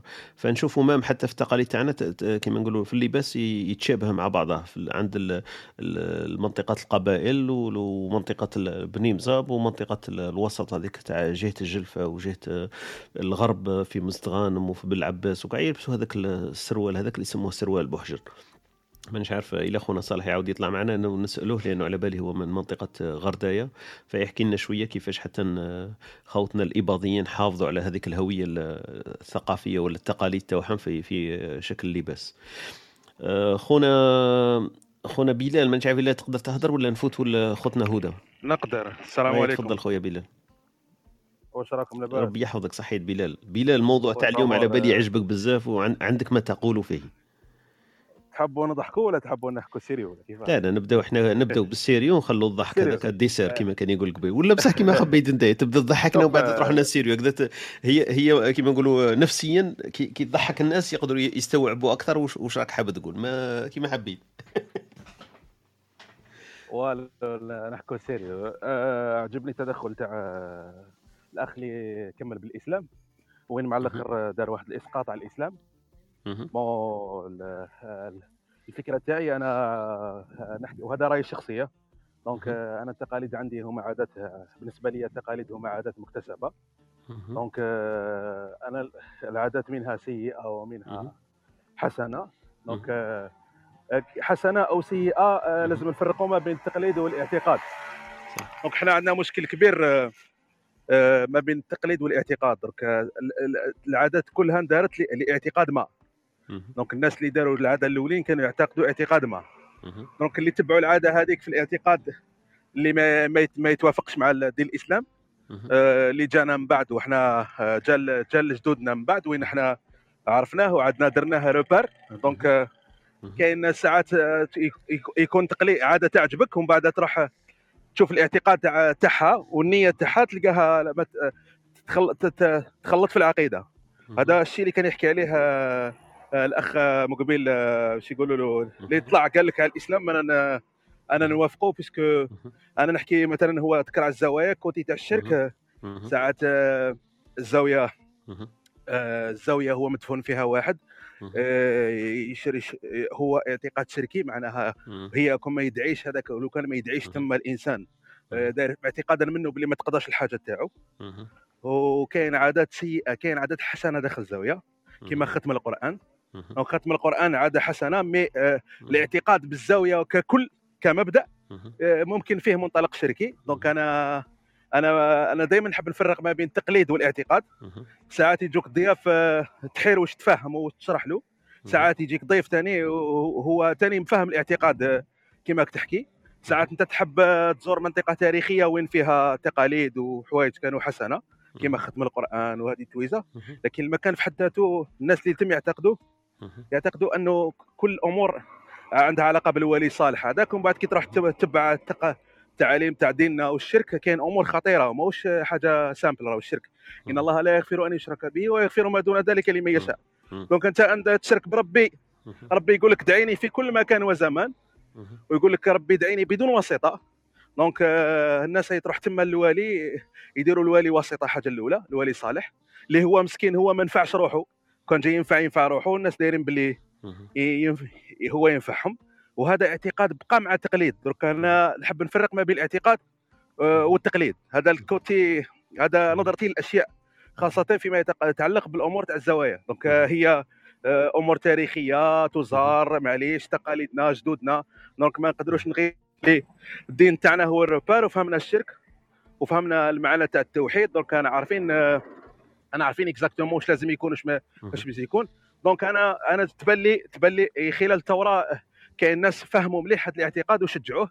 آه، المستعمر فهم مليح هذا الاعتقاد الخاطئ تاع الزوايا وشجعوه. donc كان يشجع الزوايا. donc عنده اعتقاد آه، أنه خويا بلال آه، معليش معليش خويا بلال نقول لك برك برك حبيت ما نربطوش أنا حبيت نخرج برك من هذا القوقعة أنه التقاليد هي كل ما OK OK يتعلق OK بالدين كملك وما يتعلق بالزوايا. أنا في بالي هي لا لا ماشي الدين ماشي الدين ماشي الدين اعطيتك exemple لا لا لا لا على بالي فهمتك أنا فهمتك. أنت أنت راك توافق هذيك الفكرة أنه التقاليد تحطها على محك الدين. إذا لا توافق الدين فلا تعترف بها. أنا فهمت هذه النقطة وأغلبية الحسن متفق فيها. لكن الحسنه صحيت. بس أنا حبيت برك نقول لك إنه أمور التقاليد لا تختصر برك على حكاية الزوايا وحكاية التقاليد اللي اللي نطبقوها إحنا في الزوايا. الزوايا راها فاصلة من التقاليد زعما ما عندها حتى علاقة. التقاليد قدر تكون في اللباس قدر تكون في الأكل طريقة المشي طريقة اللباس عادات الزواج كيفاه الناس تقبل بال- بالعريس كيفاش الناس تروح أصلا كيفاه تروح مانيش عارف أنا العمل تاعها. ما هي العادات والتقاليد الحوايج اللي تاكلها في دارها قبل ما تخرج من البيت. يمكن عادات في البيت في ذاته المكان اللي ي- يقعد فيه مثلا الكبير ويقعد فيه الصغير تعتبر من التقاليد فما حبيتش أنا نحصر التقاليد في حكاية الزوايا لأنه إذا أنت عندك تفسير انه التقاليد هي ما يقوم به الناس من لا حكاية لا ما الزوايا فاهم. هذه اللي اللي حبيت برك نوضحها اللي راهم يسمعوا أنني فاهمك لكن الناس اللي تسمع بتقولش بلي في وجهة بلال انه كل ما التقاليد هو زوايا نخرجوا. تفضل كمل خويا بلال نخرج من هذا برك حبيت باش ما تروحليش الفكرة لأنه تفضل. الأخ اللي كان مقبل. الأخ اللي يحكي على في آخر نقطة ذكر أنا حبيت برك نكمل باش ما تروحليش الفكرة برك ما كاينش هذا القصد تاع نحكي على. الدين ولا أنا ما نحبش ندخل الدين surtout في Clubhouse دي, دي toujours نحب صح نخلي ال- الرأي الديني وهذا السياسي نخليهم. دوك كي جات كلمه برك على. هذا واقع راني عايشينه دوك حنا تقاليدنا كل محصورة في. تقاليدنا كل رايحة تقريبا 99% رايحة في, ال- في الشيء اللي كنت نحكي فيه. donc الحاجة السلبية الثانية اللي ما تعجبنيش في التقاليد هي les événements les événements كلهم آه، حنا الناس تتطور و les événements كل ربطوهم بالتقاليد خاصة الجنوب دركا événement لازم ناس راحت آه، القرايه راحت la technologie. كاين partie وين لازم نحافظوا على الق- القديم باش نمشيو. بصح آه، باش نريحوا في القديم دائما مشكل. دركا تلقى événement مثلا آه، حدث كبير وين آه، لازم تستغل الفرصة وين آه، دير حاجة معاصرة ولا تستعمل تكنولوجيا إحنا مازلنا في هذاك الطبق وتمر ودير الآخر ومش عارف واش وحتى الناس أخذت نظرة باللي آه، باللي باللي آه، باللي الجنوب قاعد في التقليد. دوك آه، لازم لازم شوية les idées تاعنا يتبدلوا. ما- ما- ماشي كل فرصة لازم نحكوا على ماشي كل فرصة عندها علاقة بالتق- بالتقاليد. donc الناس حتى في الملتقيات و les événements المعارض ولا لا- ولا les conférences ولا toujours حنا درنا واحد الملتقى تاع الاستثمار درنا واحد الملتقى تاع الاستثمار ال- آه، واحد الجمعية عرضوني درنا واحد ملتقى الاستثمار السياحي حبينا نجيبوا مستثمرين باش نستغلوا على السي نستغلوا المنطقة ونشجعوا الناس يستثمروا في الجانب السياحي. كان عندنا أهداف باش نحلوا مشاكل. آه، لكن كاين ناس كانوا معنا في, في الاجتماع التحضيري بقاو يركزوا على النظرة هذيك تاع آه، تقاليد وتقاليد وتقاليد ولازم تقاليد ولازم تقاليد لا لا مكان للتكنولوجيا والتطور مع التقاليد. هو التقاليد جزء منا ما نقدروش نستغناو عليه لكن آه، لازم آه، كاين كل كل ما لكل مكان آه، كلام. معناها ماهوش دائما نريحوا في هذيك الآخر هذا الجانب آه، اللي شوية أنا شخصيا ما عادي يتعبني في. في الملتقيات والامور الحضورية مش نحكي ال- الآخر. وكأنه آه، تخ- تخليك دائما آه خرج. خرج خونا بلال للأسف. أنا فهمت يمكن النقطة تاع خونا بلال قال لك لما الناس يحكوا على الجنوب يحكوا من جانب التقاليد لما تجي أنت دير شركه ناشئة ولا تحكي في مشروع لازم لازم المشروع تاعك هذاك يكون على التقاليد وعلى التراث. فهمت النقطة تاعو إنه ولا ت déranger يه إنه الناس يحكي على يحكي على الجنوب يحكوا من جانب التقاليد فقط. وهذه صح لما تجيهم أنت شركه ناشئة مثلا من الجنوب آه، وتجيب لهم مثلا آه، حاجة تحكي على ال fintech تحكي على المعاملات المالية يقول لك لا لا لا أنتم من الجنوب عندكم الحق تحكوا برك في حكاية التقاليد. ديروا start-up تحكي على التقاليد وتحافظوا على التقاليد. أنا فهمت النظرة تاع بلال لو رجع معنا. بلال كمل خويا اني فهمتك أنا شوف آه، شوف أنا كي حكيت على أنت طحت لي في الصميم اي قلت لك أنا فهمتك أنا, أنا نعرفك كنت حامد؟ معلقة لأنك أنت خرجت أنا ال connexion أنا راحت درنا أنا شاركت. شاركت في عدة أنا واصدقائي شاركنا في عدة آه، ملتقيات آه، وين مسابقات في هذو تاع ال start-up والافكار. وكاين اللي فيهم اللي تأهلنا mais كي وصلت للادوار النهائية ماذا بهم؟ هما ي orienter يوك vers الحاجة اللي شغل قال أنت تعرف تمر وريح. هذه هي لهم هذه هي صحيت وحنا ما ما في الفلاحه ما في الفلاحة. نقول لك باللي حتى أنا صاحبي جاب بروجي في الفلاحة. آه، جاب بروجي في الفلاحة تاع الجريد آه، تاع ريكومبو الأخر. آه، اسمه هذاك. الكومبوست تاع.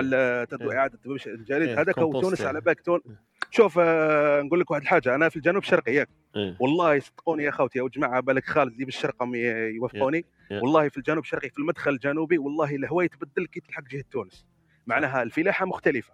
donc أنا مانيش نواسي في بلادي ولا؟ ما من الكومبوست هذاك النهار درنا دورة تاع المشاريع الصغيرة والمتوسطة. كي نعم. بدينا نحكوا على الكومبوست الجريد ل- صناعة السميد من الجريد من تاع النخلة. إيه. على بالك ال- المناطق اللي مقابلتنا في في في تونس على بالك ها- راحوا راحوا مستوى بعيد من ت- تدوير مهم. إعادة مهم. الكومبوست آه، صناعة الأسمدة وحنا. ما كانش معناها. الجانب التكنولوجي ما في الفلاحة اللي هي تاعنا ما ماناش ما وهذه ساعات في المسابقات أنا شاركت عدة مسابقات لكن ي écarter يوك ولا يفهموك باللي أنت آه، غير تاع أمور تقليدية. أنا. اسمحوا لي على النظرة فهمت. تاعي هذه شوية فهمت. السلبية وأنا ما كنتش حاب نخسر لكم الميزات هو. تدخل والله exactement هي تدخل في الموضوعنا إيه، الحوار تاع النقاش النقاش تاعنا هي نظرة التقاليد نظرتنا للتقاليد لكن لما كما قلت أنت جانب حضوري لما يشوفوك أنت من الجنوب وتكون تحكي في مواضيع لا يحق لك الحكي فيها لازم المواضيع تاعك ولا ال start-up تاعك ولا الشركة تاعك ولا المداخلة تاعك لازم تكون متعلقة بالتقاليد. يجي واحد الوقت هكذا وأنت تتقلق منها تقول أنا حاب نحكي لكم على حاجة ما عندهاش علاقة بالتقاليد. ماشي جاي أنا ندافع عن التقاليد ولا نحكي على المنطقة تاعي حاب نخرج من هذيك القوقعة ولا من هذاك الكرسي هذاك اللي حاب يتحطوني فيه أنا عندي الحق نحكي في التمر ولا في الجريد وصاي ما عنديش الحق نحكيك على استثمار في ممكن- الكوكياج آه، تقول لي أنت من ورقله ما تهضرش على الكوكياج إضافة على واش. واش قال الأخ بلال حنا يا. ما حبيناش ندو الموضوع على هذاك السير بما. إنه برنامج إيه، صباحي والناس. آه، مازال ما عندهاش هذيك آه، آه، يكون عندها mood شوية آه، مفرح صح آه، حبيت برك بالنسبة لكي قال التقاليد في الجنوب. هو حقيقة يعني نعطوا مثال مثلا بالمغرب. المغرب شوف كيفاش جانب اذا سمحتي التقاليد. لي اذا سمحتي لي أختي وهبة قبل ما تطرقي وخونا صلاح عاود رجع معنا. من فضلك صلاح ابقى معنا parce que حكينا عليك وحكينا على بليم صاب فأنا ندعيك إنك تبقى معنا شوي نعاودوا نرجعوا لك تفضلي أختي وهبة اسمحي لي. إن شاء الله. قلت لك أنا موضوع التقاليد مثلا أنا نحب كيفاش المغرب المغرب كيفاش التقاليد نتاعهم كيفاش رجعوها. يعني قوة اقتصادية يعني. اليوم كيفاش عرفوا بنفسهم. بتقاليدهم يعني كي تقول كي تقول سياحة مثلا في الجنوب. واحد كي يروح المنطقة يحب يشوف حاجة مختلفة مثلا يشوف ثقافة النخلة ثقافة البلاد كيفاش دايرة. تقاليدها لباسها. بصح هذا ما يمنعش إنه المجتمع يكون متطور هذه حاجة لا علاقة لها. بالتقاليد ولكن هما كيفاش داروا مثلا كيما مراكش. آه، مراكش كيفاش راهي.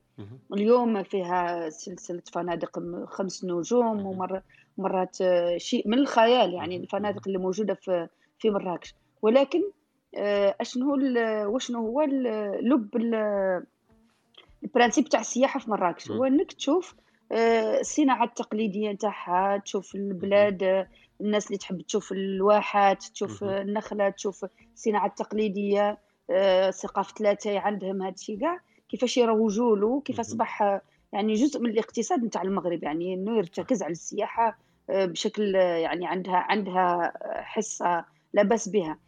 إحنا هذا واش ما فهمناش. إحنا بالنسبة لنا حصرنا هذاك الإنسان تاع الجنوب فقط آه، تمر آتاي آه، هذا ما كان ما يمكنش يكون إنسان.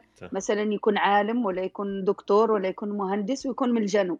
مثلا أنا مرة عرضوني في حصة تلفزيونية وطلبوا مني إني نجي نهضر على على الليزار. على ليزار مم. اللي هو الملحفات تيسغنس إيه. قلت لهم قلت لهم أنا أول شيء. ما نقبلش تقدموني فقط إني آه، فقط نجي في برنامج نهضر لكم فقط على الليزار مهم. أنا لو كان تجي تقولي لي هضري على المرأة الصحراوية. على المرأة مراه الجنوب. كيفاش هي رائدة أعمال كيفاش هي. دكتورة كيفاش هي عالم بالعموم مم. ما تقدمينيش على أني أنا شفتهم مرة في في برنامج صباحي. جايبين إنسانة أنا نعرفها شخصيا. نص ساعة وهي تهضر في البروجرام وأنا نعرف هذيك الإنسانة. وشنو هي يعني إنسان مستحيل إنك تستضيفه في برنامج تلفزيوني يمثل المرأة الصحراوية. وهذه حاجة إحنا أنا أنا وكاينة أختي كذلك. حاولنا نحاربوها حاولنا نعطوا آه، صورة ثانية للمرأة.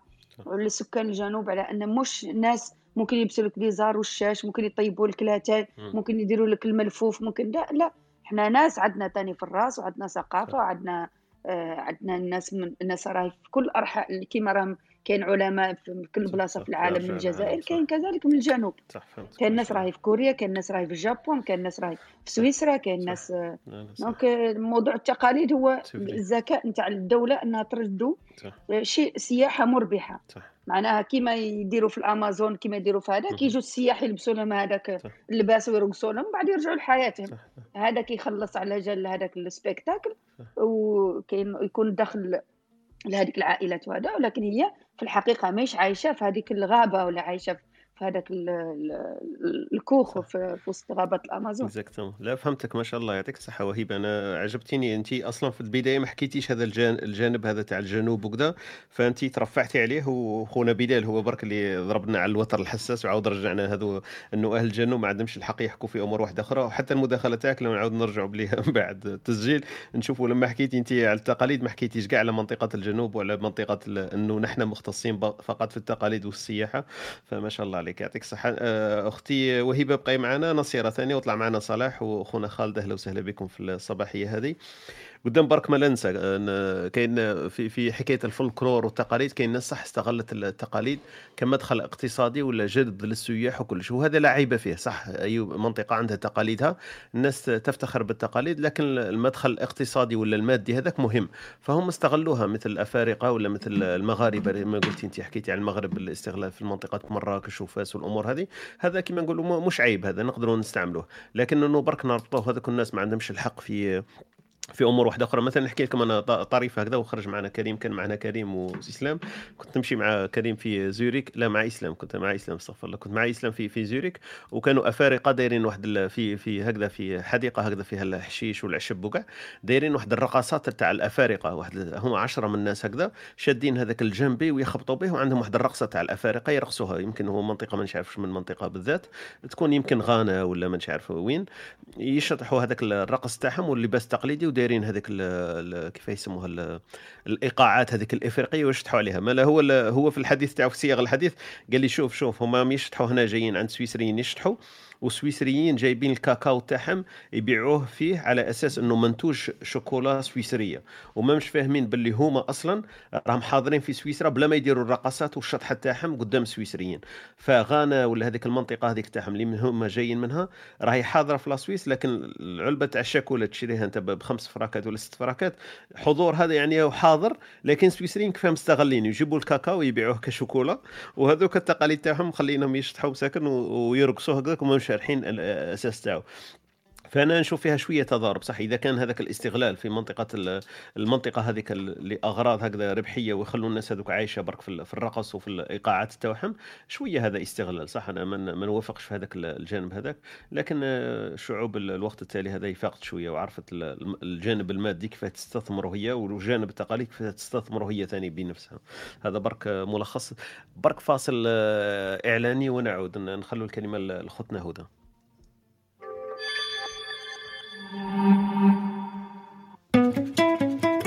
أنتم تستمعون إلى إسبريسو توك مع طارق. يأتيكم يوميا من الثامنة إلى الحادية عشر. تجدون فيها موسيقى، حوارات، أقوال، عبر وعبارات. استمتاع واستفادة يوميا. استمتاع واستفادة يوميا. أهلا وسهلا بك أختنا هدى. هدى تفضلي و- وأحكي لك قبيل على الفلاحة وعلى الزراعة والامور هذه في بالي ال composting. donc في بالي انت راه من الاهتمامات تاعك حكاية الكومبوست والزراعه en vertical على حساب واش قريت. donc تفضلي أختي هدى مع- في موضوع الثقافة. أهلا وسهلا بك. السلام عليكم. آه، نهاركم مبروك جميعا. شكرا على هذا الروم المميز بصراحة. آه، بصراحة أنا الموضوع في, في إطار العادات والتقاليد آه، نظن بلي صوتي راه واضح. آه شوية واه. نسمعوك يعني. نسمعوك تفضلي يا. آه، العادات والتقاليد نظن هي في يوم من الأيام كانت احتياج ولا يعني ممارسة عادية في مجتمع ما. مع تطور المجتمع يعني تقعد موروث من الأجداد والأجداد يورثوها للأجداد يكون الأول على باله المعنى تاع الاستعمال تاع هذاك الشيء. لكن بعد أجيال وأجيال يبغى غير الشكل ولا الكركاسة تاع هذيك الحاجة. لكن اللي الجيل اللي- بعد عشر أجيال مثلا على بالوش علاش بدات ولا كيفاش بدات ولا صح صح. آه، وهذه تروح من أبسط العادات لأكبرها يعني. على نوافقك في الرأي لما قلت إنه إحنا اليوم رانا نبنيو عادات بدون أن نشعر. ونعاود نرجع للمثال تاع العراس و les salles des fêtes لقيت قبل فترة مع أو تحدثت قبل فترة مع صديقة تخدم في هذا المجال. قالت لي دوكا بما انه الناس راهم الدولة يعني غلقت les salles des fêtes قالت لي الناس حنا نديرو les organisations خارج les salles نديروهم في الطبيعة. آه، قالت لي وحنا رانا نخدمو normal بصح الناس اللي عندهم les salles ماهمش يخدموا فقالت لي بلي هذا الشيء آه، إذا لاحظنا في ال في ال في الفكر الجزائري ما كانش أصلا مطروح لأنه حنا عندنا واحد ال- الحرمة الحرمة فالحوايج هذو اللي في الطبيعة généralement ما يكونوش لحد الآن العرس الجزائري في كثير ولا في أغلب المناطق مازالوا مفصول نساء وحدهم رجال وحدهم. فجات هذا ال- ال Covid par exemple هو حاجة غيرت شوية ال- السيستم بصعوبه يعني ب- شغل بص- بصدمة الناس. فالتغير لم لا سلس في هذه النقطة هذه مثلا. التغير راهو شغل مشرف و- وما كانش له اعتراض إلى حد كبير لأنه الواقع هو اللي فرضه المرض اللي فرضه إلى آخره. و- وبزاف ناس جزائريين كانوا ما يتقبلوش مثلا فكرة أنهم يديروا عرس في الهواء الطلق رغم أنها فكرة من أروع ما يكون. آه، ولكن بسبب عادات معينة ولا تقاليد كنا نتفاداوها ولا كنا ما أهل. الصحراء. سمحي لي أختي هدى قلت بدي نقول لك على حكاية الهواء الطلق والعرس. اسألي أهل الصحراء وأهل الجنوب وين يديروا العرس آه، شفت كيفاش سبحان الله كل donc- منطقة donc- إيه، do- donc هذه هي من العادات بالعكس مختلف. exactement وهي أهل الصحراء وأهل الجنوب وأهل الجلفة وأهل تزيدي تهبطي للصحراء لتحت عراسهم في, في الهواء الطلق. آه، donc آه، بالعكس هي هي التقاليد. كون يقول لك أنتم راكم في الشمال آه، ديتوا التقاليد تاع أهل الصحراء. يديروا الأعراس في. الهواء الطلق. شفت كيفاش فوالا اون فيت اون فيت أنا شخصيا آه، كان عندي بزاف صديقات من من تمراس ورقيلة إلى آخره. آه، كنت نشوف بلي عاداتهم في كثير من الأحيان مريحة أكثر للإنسان مقارنة بعادات الشمال. ونحس بلي عاداتنا في الشمال بزاف آه، تعقد حياة الإنسان وتخليه م- محشوكه شغل. تو اوبليجي دو فيغ ساي ساي ساي ساي ساي وكل ما ديرهمش مع كاع بلا بيتو. فكنت نشوف عنهم بزاف حوايج جميلة جدا لا أتذكرها يعني الآن ولكن من أكبر العادات وأجمل العادات اللي نقلوها لنا للشمال هي التاي الصحراوي اللي آه، أنا شخصيا كي ندخل نشوف يبيع ماشي سمر ما نشريش فيعني آه، وهذه حاجة نقطه من بحر من واش يقدروا يقدموا. ومن الحوايج الجميلة اللي حنا ما كناش عارفين بلي موجودة في بلادنا. لكن آه، يعني أنا ما نكذبش عليكم أنا ضد أنه نخليو التقليد هذاك وما نطوروش فيه إلى آخره أنا نطورو آه، بناء على الاحتياج الحالي للإنسان. باغ حنا دوكا في, في ال- كجاليه في الخارج كي نكون عندنا أي فرصة للتعريف بالجزائر إلى آخره نحاولوا انه نجمعوا أكبر عدد من الملابس التقليدية نجيبوا نحضروا الأكلات اللي ممكنه شو نحاولوا إنه نوريو بلدنا ب ولا تقاليد بلدنا بأحسن حلة رغم إنه كما قلنا العادات والتقاليد لا تختص لا تختصر فقط في اللبس والأكل والغناء إلى آخره ولكن هذا واش نقدروا نقولوا يعني؟ آه، لدرجة إنه في واحدة من من من التظاهرات آه، الجزائر آه، نظمنا إلى جانب الصور والملابس والأكل. نظمنا واحد ال آه، واحد ال يعني فقرة هكا شوية مطولة تاع الألعاب الشعبية اللي هي لاحظنا أنها فعلا تختلف بين بيننا وبين المجتمعات الأخرى وكاين حوايج مشتركة. كما مثلا لعبة الضامه اللي هي منتشرة تقريبا عبر العالم وكل واحد يديرها بطريقته. فشغل هاد الحوايج يخليو الإنسان يعرف قيمته واش عنده ويحاول يطور مع الوقت شغل توافقا مع الحاضر. لكن آه، نظن باللي من ال... هذا يعتبر أيضا رأس مال لينا. كيفاش مثلا الآن رانا نعيش في عالم يميل نحو مش عارفة الرأسمالية ولا العلمانيه ولا العولمة اللي العولمة التي تحاول أن تجعل كل شيء متشابه في كل مكان. مثلا تروح تدخل centre commercial في فرنسا ولا في الإنجليز ولا في أمريكان ولا في الجزائر ولا في آه، في تركيا في أي مكان هو نفس ال design تقريبا. صح. ف نظن باللي الجزائر يعني للأسف حنا الجزائر مازالت بلد مغلق لكن نظن باللي حنايا عندنا واحد الراس مال آه، كبير بزاف انه الإنسان مع تشابه كل شيء راهو دائما راح يحوس على الحاجة المختلفة. ودائما يحوس على شعوب مختلفة أشياء مختلفة ما شافهاش. يعني آه، الأمر اللي حاضر جدا في ثقافتنا. آه، رغم أنه يعني يحتاج تطوير بالنسبة لي أنا يعني باش يولي قابل للعرض إلى آخره. آه، لكن هو رأس مال هو رأس مال يعني c'est des devises يعني. بالنسبة لي لأنه الناس besoin بالنسبة لناس واحد أخرين. c'est un شغل خاصه في موضوع الأكل فقط يعني.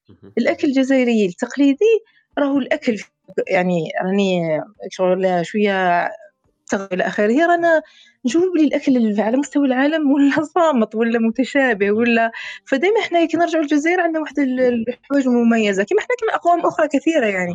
فعلاش مثلا الإنسان الجزائري يسافر كيلومترات لتناول أكلة معينة لشعب معين وما يفكرش بلي هو ثاني عنده حاجة معينة؟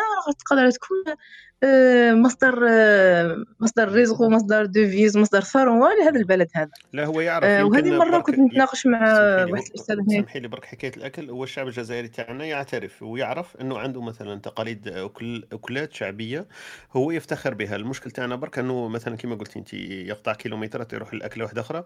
لكن هذا المشكل تاعنا إنه حكاية كيفاه نسوقوا راني معك في النقطة إنه كيفاه نسوقوا إحنا ال- للتقاليد ولا الأكلات الشعبية ولا الأمور إحنا اللي عندنا خاصة. مازال ما لحقناش لهذيك لهذيك المرحلة أنه مثلا هذا اللي راكي تحكي عليه انت مثلا يروح يأكل طعام يعرف أنه طعام في المنطقة تاعو لكن هو يروح يضرب كيلومترات يروح يشرب ياكل ماكدونالد في في مدينة كبيرة. يقول لك هذا الماكدونالد وإحنا ما عندناش الماكدونالد.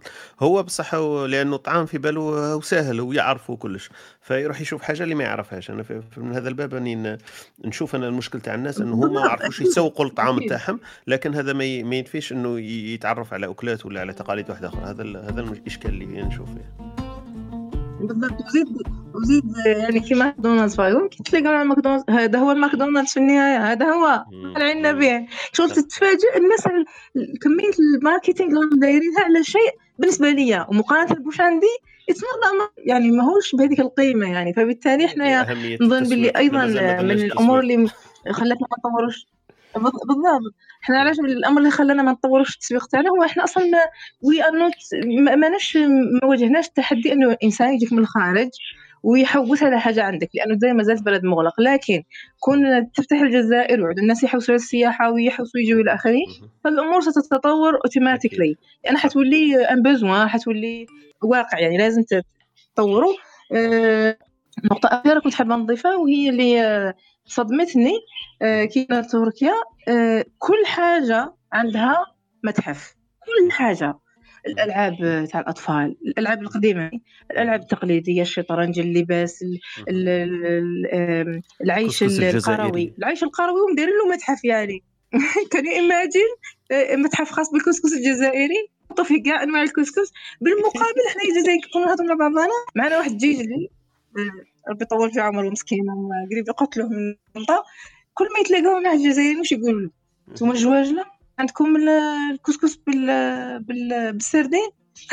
عمركم مسكين قام عمر. قلت لهم قلت لهم قلت لهم راكم تقولوا بلي السيد عندهم كسكس بالسردين. أنا أول مرة نسمع بالمعلومه وماذا بيا نجربها؟ رغم أني جزائرية وما جربتهاش يعني. بالنسبة لي قصة هذا بالنسبة لي نقط يعني. فأنا يعني حنايا ديفو والله نقمعوا بعضنا. صح. ونبالغ في هذا كثيرا. فنظن بلي إحنا عندنا عندنا بزاف أشياء يعني ممكن أشياء في التقاليد تحتاج شوية تصفية ولا تنقية ولا كما مثلا كي نوليو للواقع تاعنا الجزائري يعني الجيريان الجيريان توكين الاعراس والمبالغة في في. كما قلنا مثلا اللبس التقليدي هو لبسه أصلا آه، متعب ولا صعب ولا غير نوت براكتيكال صح؟ نديرو نديرو اسمها الشو- ماشي الشورة ال- إيش نسميها هاني طفلة ونسيت آه، تصدير. voilà تصدير. وكان مش عارفة est-ce que مبدأ التصدير موجود في كل الولايات لكن بمبدا مبدأ التصدير في حد ذاته أنا بالنسبة لي له حتى معنى يعني في كل ما مش عارفة est-ce que في كل العالم. صح نظن باللي في أغلب الأعراس العروس تلبس لبسة واحدة. إحنا عندنا تلبس 20 رايحة جاية. مهم. لأنه عندنا ثقافات مختلفة ومناطق مختلفة. هي حابه تعرض الجزائر كلها في عرسها تاعها لازم ربصة قسنطيني وربصة تلمساني. وربصة صحراوي وربصة. فوالا قسنطيني والعاصمي إيه. والقبايلي والصايفي والصحراوي. إيه. وهذا الأمر قاعدين يطوروا فيه. أنا بالنسبة لي نهار عرسي درت لبسة واحدة تقليدية لبست لها بلونش وخرجت قلت لهم أنا عليها عليا عليا وان بليس يعني هذا أمر آه، نحب مثلا نجيب لك باش بعد مش عارفة أنا عامي ثلاث سنين نعاود نشري لك وبعد عامي ثلاث سنين نعاود نشري حاجة parce que ماناش حاجة نستعملها كل يوم يعني soyons logiques يعني. وعلاش مثلا فكرة الكراء ثاني بالنسبة لي فكرة غير ما فبالتالي أنا نطور ال- ال- اللبس التقليدي تاعي. نخليه ماذا بيا يكون لبس تقليدي حاضر في كل حاجة ما يقعدش ثقيل ومتعب وإلى آخره. ماذا بيا يكون حاضر معنا في كل الأماكن اللي نقدر ند- نديوه ليها. لكن في نفس الوقت كاين واحد العادات ولا لازمهم مراجعه صح لازم لهم مراجعة. بارك الله فيك أختي هدى يعطيك الصحة بارك الله فيك. برك باش ما نطولوش لأنه فاتت ال 11 إحنا موعدنا من الثامنة إلى الحادية عشر راهي قريب ال 11 وثلاث دقائق فاتت شوية. باش ما نطولوش على الخوا خدنا نصيرة. خدنا صالح طلعوا معنا. وخدنا خال أو خونا خالد مازال ما هضروش. إذا ممكن مداخلة تاعكم شوية باختصار وخدنا وهبة رانا نسيناك وما نسيناكش. دونك حكاية ال- ال- الكبسولة الثقافية مع الأمثلة الشعبية نخليك ما بين إلى نصيره وصلاح وخالد الدخلوا وأعطينا المثل الشعبي في في نهاية اللقاء تاعنا الصباحي هذا. تفضلي أختي نصيره معنا. صباح الخير صباح الخير نصيرة ما عنديش مداخلة كبيرة juste نهضر غير على التقاليد إحنا في la société تاعنا ولات شغل une obligation في في بعض. الأوقات ولا في بعض ال- الظروف تولي شغل دين هذا ولا قانون par exemple la culture تاعنا في ال- في الأعراس والمناسبات نتعاملوا. مع التقاليد une obligation قانون alors que هي قانون مسطر؟ قانون لازم العرس كيفاش. يفوت لازم. واش يدير في كل مناسبة donc أنا هذه مشكلتي مع التقاليد هنا هي حاجة facultative ماشي. ماشي حاجة ضرورية مهم. وفي l'autre point c'est que c'est vrai كاين دول اللي مستغلين هذوك الثقافة تاعهم مستغلين. التقاليد تاعهم من جانب سياحي. ه- عندنا هذه ناقصة بزاف alors que جزائر كبيرة ومعمرة بال- بالتقاليد اللي قادرين نستثمروها من جانب سياحي. فقط بارك الله فيك أختي نصيرة يعطيك الصحة اخونا شكون ما نعرف شكون اللي كان معنا قبل؟ نعاود ندير refresh نشوفوا شكون est-ce que معنا صلاح ولا خالد؟ أنا نشوف بلي خالد خالد هو اللي دخل معنا نستعرض بيك صلاح. ثامس اب صلاح. خو- خونا خالد تفضل المداخلة تاعك في ما يخص التقاليد رؤيتك لها ما تعني لك وال- والموقع تاعها في مجتمعنا ال- اليوم اللي رانا عايشينه. آه، السلام عليكم وعليكم آه، السلام. صباح الخير جميعا أهلا وسهلا بك. الله فيكم على هذه آه، هذه الغرف المميزة صراحة يعني آه، أنا نفرح ياسر كي نلقى بعض بعض الأمور تطرح كما هكذا لأني أنا آه، تفكير واعتقادي أنه التقاليد هي جزء من الحضارة بتاع المجتمعات. وهذه هي المعركة الدائمة والأزلية بين بين حتى ال- المجتمعات هي مشكل. آه، أنا نشوف فيها ال- التقاليد تقاليد كما ذكروا ديما الإخوة وما نزيدش عليهم خلاص أنه فيها من الحسن الذي يجب أن يثمن. آه، وفيها من السيء الذي آه، يجب أن يعالج ويطور صح أما أنا حبيت ديما نركز على الجانب. ه- هو كاين بعض الأمور آه، اللي أثرت كثيرا في المجتمعات خاصة بما يسمى العائلة مهم. كاين بعض العادات قتلت دور العائلة في بناء المجتمعات هذا. برك الجانب السيء الكثير اللي أنا نحب ديما آه، نعالجه ونطوره. قضية بناء الأسرة آه، في قضية آه، تسيير الأسرة في قضية دور المرأة آه،. في قضية كذا هذه الأمور يجب أن تطور وتعالج بشكل عقلاني.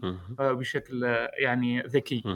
حبيت نركز على الجانب الإيجابي فقط أنه التقاليد آه، تخلق ذكريات تحاول تنوه تنمي هذيك الذكريات خاصة بين آه، بين العائلة واجتماعها وكذا آه، كذلك تعزز الروابط آه، يعني العادات والتقاليد كي تشوف أنت من ولاية لولاية برك في الجزائر آه، كي يشوف واحد بركه من واد سوف أخر من واد سوف أو واحد من ولاية عاصمية أو آه، من الغرب أو كذا يشوف واحد في مثله ويمارس نفس العادات والتقاليد يفرح وبالتالي تلقى واحد الرابطه هكا بيناتهم. آه، بيئية لأنه أنا أؤمن أن السلوك فيه ثلث البيئة سلوك الإنسان عنده علاقة كبيرة ببيئته.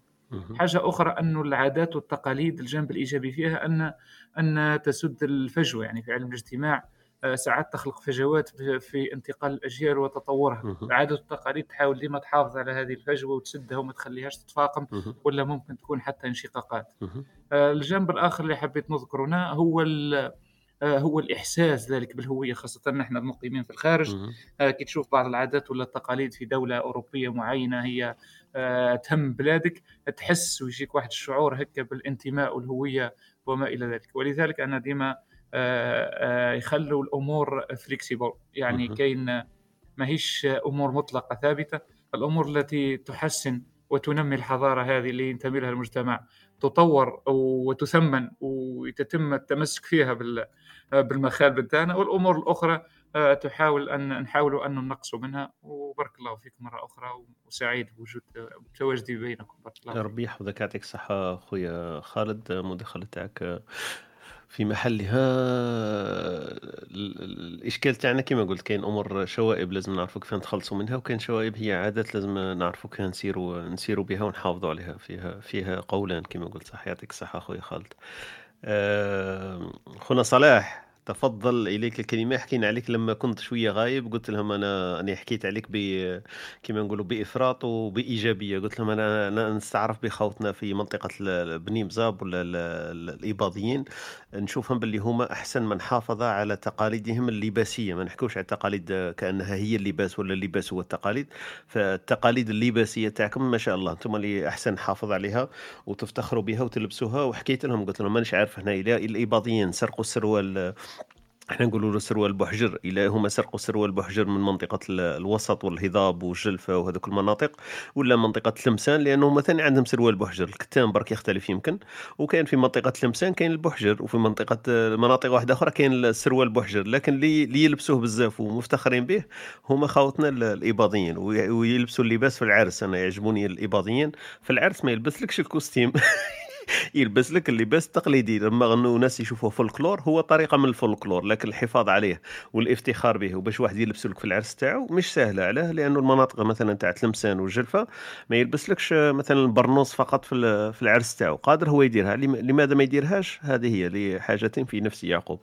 تفضل خويا صلاح وهذه برك مداخلة فيما فاتك وفيما قلته قبل حضورك. تفضل خويا صلاح.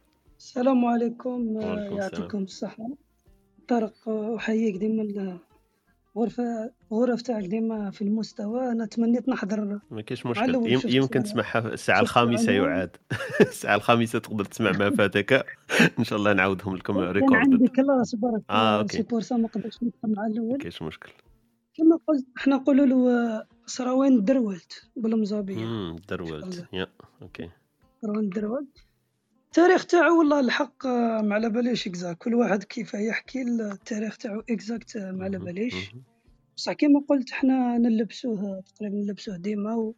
ماشي غير في العراس ديما نلبسوه. إيه شغل إيه، أنا لباس أنا عادي. نسكن نسكن أنا نسكن في سطيف بصح ال origine تاعي من من غرداية كي نهبط لغرداية تلبس أوتوماتيك شغل الفيزا تاع البلاد. صح صح. ما تقدرش ت... تقدرش تمشي. و bizarre واحد يلبس سروال جين ولا survêt هكذا. شغل للخدمة معليش بصح كي تمشي في la ville ولا c'est, c'est bizarre واحد ما يلبسوش.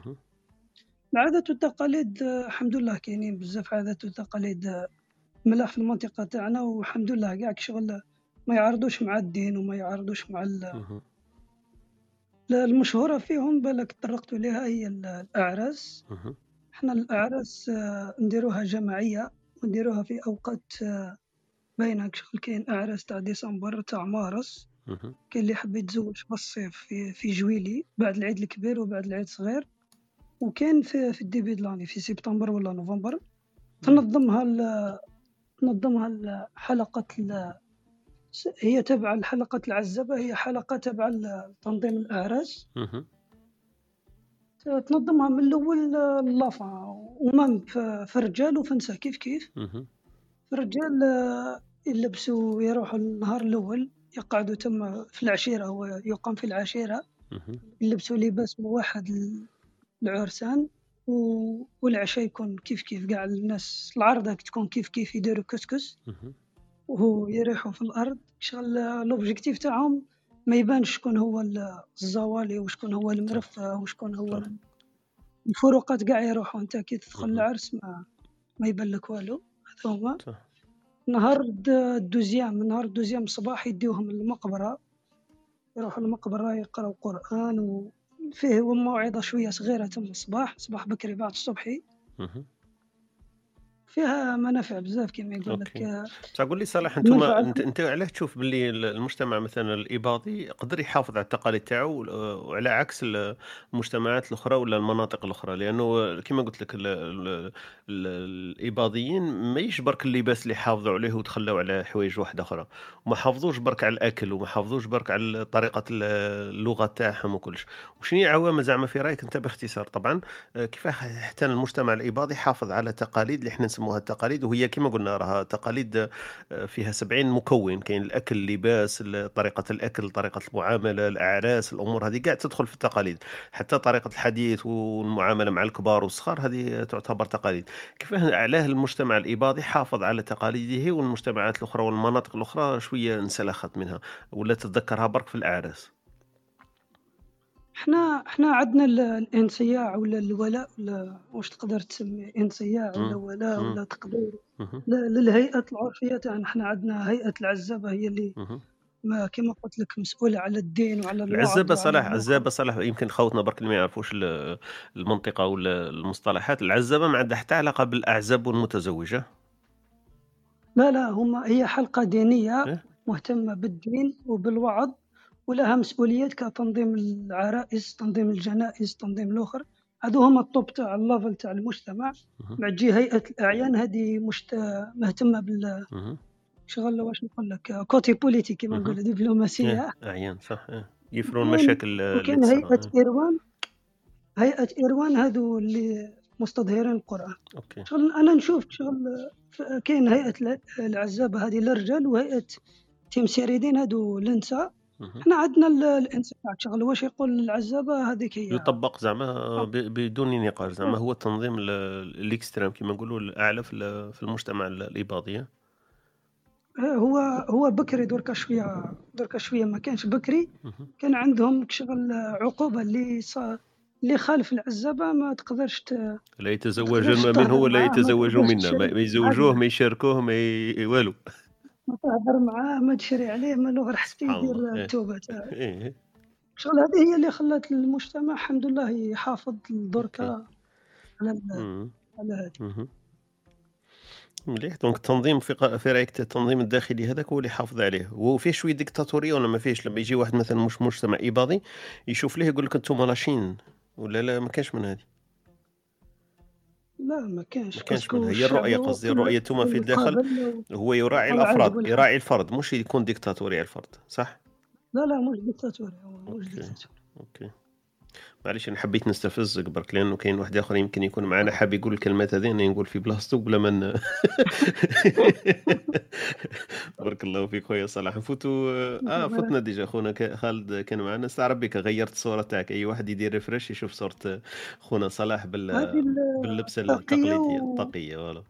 هذه الطاقية اللي لبسوها partout إيه، وكاين السروال اللي قلت لك. صح. السروال هذاك متواجد دركا وعندي هنايا في ماليزيا. تلبسوا ولا ما تلبسوش انت تلبسوا ولا تلبسوا في الدار؟ برك يكون راح تصلي برك ما يكون حد معك. لا لا أنا قلت لك وعندي هنا دركا في ماليزيا كي يديروا event في الجامعة والاخر نلبس. استعرب بك. أنا عندي القندوره على بال كليت نلبسها بيني بين روحي بالك واقيلا نلبسها برك في ال- في البيوت اللي يكون فيها وحدي. مازال ما استجرعتش. نلبسها ونخرج بها. نلبس بالك القندورة ولا خشبيه في العيد لكن من غير هذو للأسف آه، شوية صعب ولات صح؟ صحابي من الهند وباكستان آه والاخر شافوه عجبهم آه بزاف. صح. وداروا دوموند قال لك يشريو ما شاء الله. قلت لهم نبيع لكم استعرب ندلكمش بك هذا هو لو ما تبيع لهمش كذا ما, ما توليش ساعه مزابي يا صاحبي يقول له كيف أنت؟ عاود عادة التقاليد دخلت في العادة التقاليد. صحيتك فهمتني.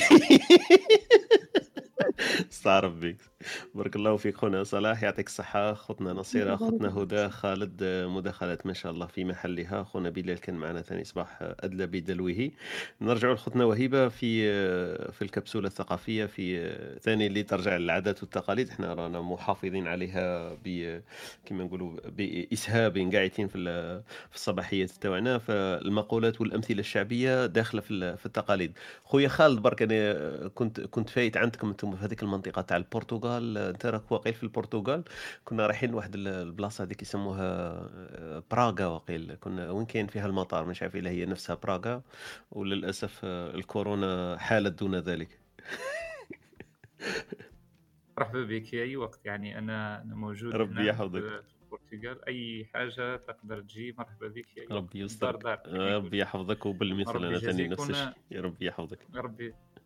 ربي يجازيك الخير. ونديروا شوية أمور تقليدية هنا نطيبوا ماكلة ما تقليديه شاء الله. نلبسوا الكندورة. ما شاء الله. ونخرجوا ونخرجوا البراقة. إيه ما شاء الله ربي يحفظك يعطيك الصحة. أنا نجي معك ربي نجي قندورتي أنا خلاص.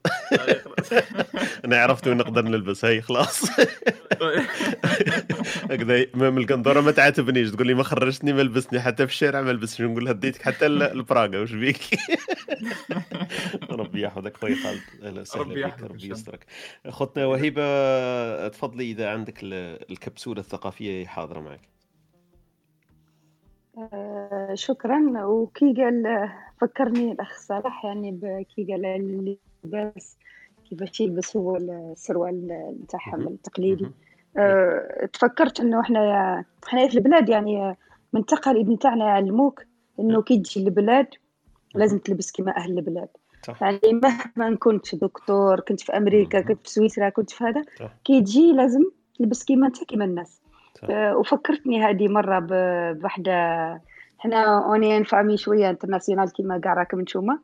آه، كان آه، كان آه، كي كان خالي الله يرحمه حي كان هو الكبير تاع العائلة. مهم.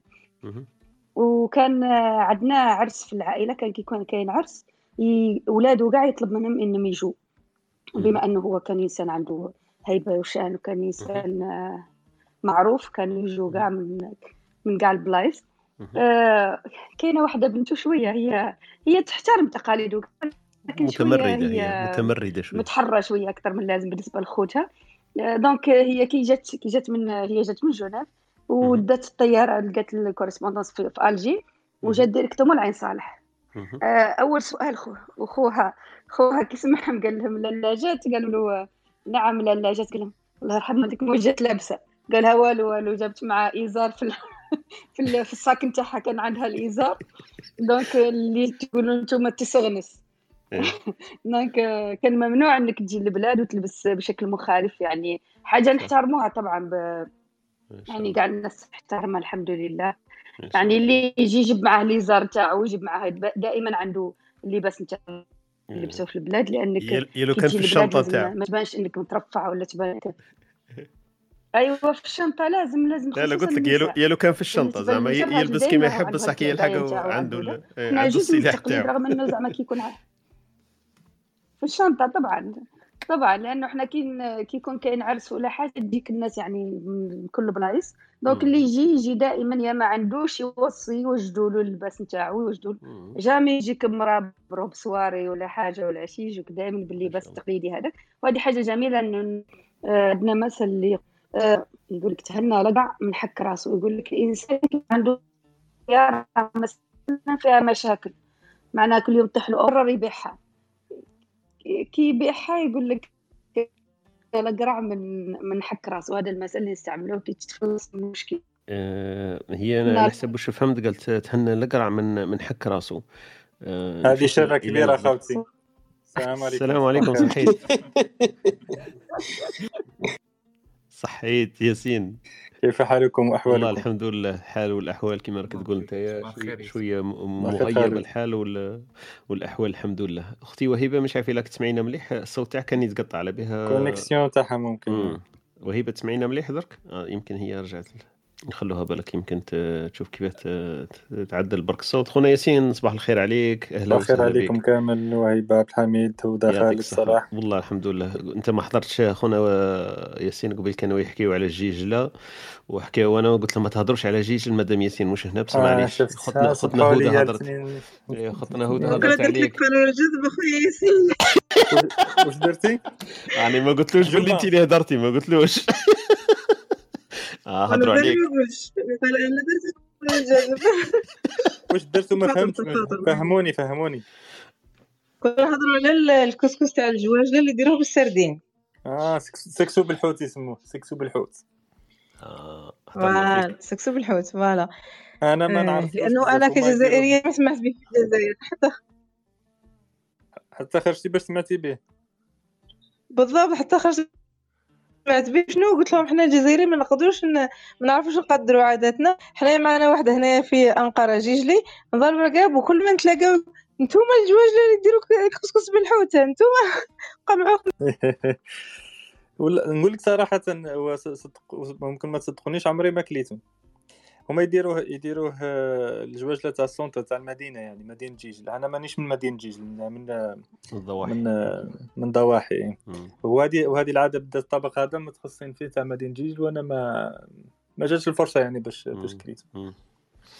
يعني ما, ما تقسمنيش عليه يعني ما نعرفوش ما نعرفش هي خلاص. أنت أنت أنت من جيجي ما سمعتش عليها وكما شخصيا قلت. أبحث في الإنترنت ون- لا لا نحاول الوصفة ونديرها في القناة تاعي تاع اليوتيوب إن شاء الله. ونديرها ب l'anglais باش تكون ما international شاء الله. عندك قناة اليوتيوب ديري الطبخ ب l'anglais لا لا ما نديرش الطبخ بالانجليزي في نحط أشياء عامة بصح الطبخ اللي حطيته كله بالعربية لأنه كانوا كامل اللي نعرفهم حطوا لنا طبخ تركي حطوا لنا طبخ تركي. قلت لهم يا جماعة راكم عندكم الطبخ الجزائري راهو. على بالكم بالمناسبة الطبخ تاعنا راهو صعيب يا جماعة بواحد الطريقة. واحد النهار عرفت عجوزتي باش ندير لها الكسكس الجزائري قلت لها على بالك عندك تسوي في الكوزينة؟ قلت لها لا غالب ماشي كيما نتوما. كلش عندكم ساهل؟ وفعلا الطبخ تاعنا صعيب وياخذ وقت. لكن pour pour النكتة مرة إحنا كنا كامل طلبة هنايا في أنقرة وطالبات يعني وكنا كامل في الإقامة الجزائريه فمرة واحدة صاحبتنا فلسطينية أعتقد خرجت للدار يعني كانت عرضت لنا قالت لنا أنتم عندكم الطعام الكسكس أه وحابين نطيبوها روحوا عندي. فدبرنا برما كاس منا وحدك شغل ذاك النهار كان مهرجان السعادة. رحنا رايحين بداو. بدينا واحدة من تيفازا واحدة من العاص أنا من الصيفيه في العاصمة واحدة من بشار واحدة من مسيلة. بالكم باللي اكتشفنا أنه طر- طرق تحضير الكسكس مختلفة تماما. واحد قلنا زيد الكمون. الكمون الكمون لا يجوز في الطعام. وبدينا. بالكم باللي أول مرة أكتشف الاختلاف في فقط في طبق الكسكس. فما بالك الأشياء الأخرى يعني. vraiment واحد ما سمعتكمش الفلسطينية. يعني. كون قلت لكم أنتم راكم متجنسين في الجزائر. ماك- ماكم جزائريين كامل والله دائما كي تقعد معنا تقول لنا أنتم شوف اكتشف فعلا إلى أك... إلى إلى أي حد الجزائر مش شاسعه برك يعني كبيرة بزاف و...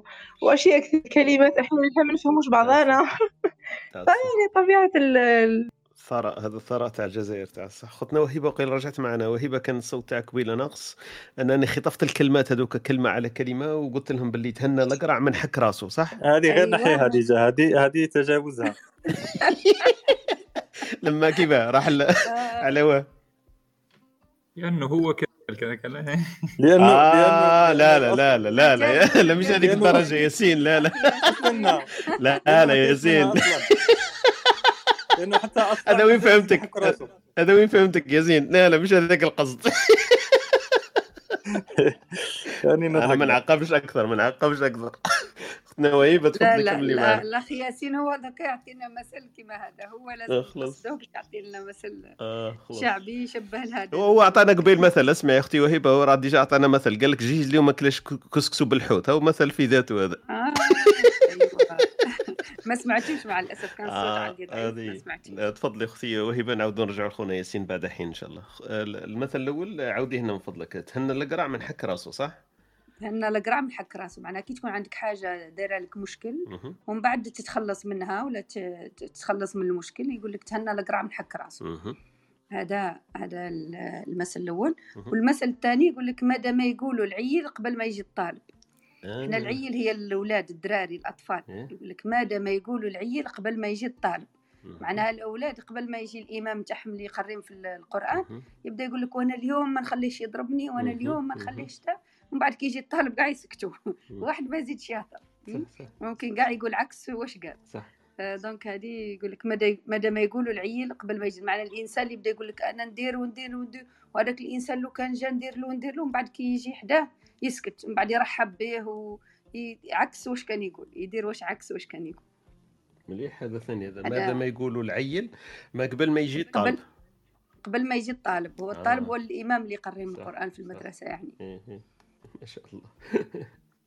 إذا عندكم أمثلة كما هما ممكن الأخ صلاح ممكن يكون عندهم آه، أمثلة في منطقتهم إذا يعرف آه، أمثال شعبية. أنا أنا يلزم نجيب جداتي عباك تليق في الموضوع هذا. الاستعانة بصديق الاتصال بصديق أيوه. إيه. الفترة اللي فاتت هضرت معاها في التليفون قلت لها هكذا قلت لها هم يديروا روم هكذا أمثلة شعبية. عطات لي بزاف نسيتهم. آه سجل. عود سجل صلاح كيفاه دركا ولا درنا من بعد direct معيط لها في الوقت هذاك ونديروا لك آه، ما يطلبوه. كما قلت أنت قبل قلت لك الأخت وهيبة هذيك اتصال بصديق عيط لها قول لها راني حاصل. آه، الموضوع تاع اليوم آه، قال لك تهنى من القرع من حك الراس. donc voilà. إحنا بال- بالمناسبة أختي وهيبة إحنا نقولوا تهنى القرع من حك الراس. هي نفسها بصح الكلمات برك مرتبات إحنا نقولوها إحنا نقولوا نتهنى الفرطاس من حكان الراس. آه السجع فيها أحسن الفرطاس. هذه ثانية. صح صح. صح. تهنى الفرطاس من حك الرأس. نقولوا هذه ثاني صح عندك الحق. قول لنا اكزاكتومون كيما آه كيما نتاعنا. آه صحوا لنا وفيها السجع كما قال لك وفيها كل شيء. آه، المشكلة إنه ما يتهناش. حكان فيها فيها فيها. اسأل المجرب. كما قلت وسرقوا له برك الفكرة لكن الحق فيها فيها صح؟ آه، خطنا هدى في في المنطقة تاعكم ولا أنت تذكريك شما آه، كما نقولوا مثل في في هذا السياق؟ تهنى القرع من حك الراس؟ لا حنا نقولوا كما ياسين تهنى الفرطاس من حكان الراس. okay نفس الشيء مالا كيف كيف. لكن حميد كاين أمثلة مشابهة نفس المعنى يعني ولكن مش إيه. نتذكر قولوا لنا معليش. ما ما حاني نحاول نتذكر ما قدرتش. okay تفكر إذا إذا بان معاك شيء آه، فالخط مفتوح. وثاني هذاك اللي يقول لك آه، ما, ما يقولوا العيال قبل ما يجي الطالب زعما آه، الناس كي يكونوا هكذا متحمسين ونقول وندير ونواسي ونواسي لكن لما تلحق حين حين الجد ما كاين والو. donc هذوك قاعد إحنا كاين واحد المثل اللي تفكرت درك نقولوا نقولوا كلام الليل مدهون بالزبدة. وقيل هذا ينطبق شوية على الحكي المثل الثاني اللي قالت أختي وهبه ماذا ما يقولوا العيال قبل ما يجي الطالب إحنا نقولوا هضرة الليل مدهونة بالزبدة. تقولوها؟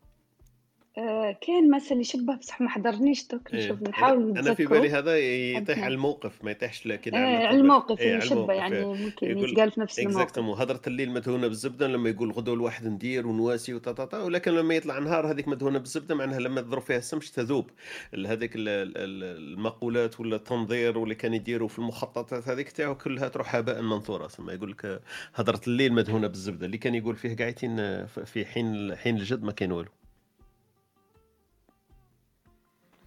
صح يعني الموقف نفسه إيه. آه، آه، خونا آه. خالد إذا ما تفكرت حاجة معك في, في نفس ما إيه ال- ال- المثلين هذه تاع تهنى الفرطاس من حك الراس ولا تهنى القرع من حك الراس ولا تهنى القرع من حك راسه.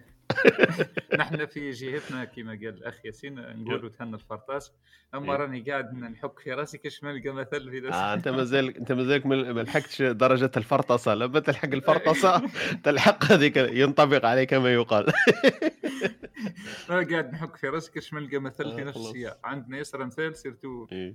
آه، بال- بالشاوية وكذا إيه.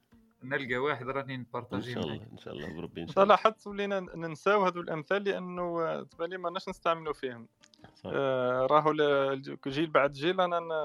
الأجيال القديمة الجدات والأمهات وكذا يستعملوهم بزاف. وحنا ولينا ممكن هذا هو السبب ال- الأساسي علاش ما نتذكروا. أنا نحاولوا نتذكروا ما ناش لكن إحنا عندنا ما ناش. نستعملوها في الحياة اليومية. تبان لي ياسين إحنا رانا محافظين على الموروث الثقافي في في جانب الأمثال لكن إحنا محافظين على الصيغة ال originale تاعها لأنه بعدنا إحنا على بالك 20 سنة ولا هذه مش عارف شحال راهم كل واحد المنطقة اللي خرج منها.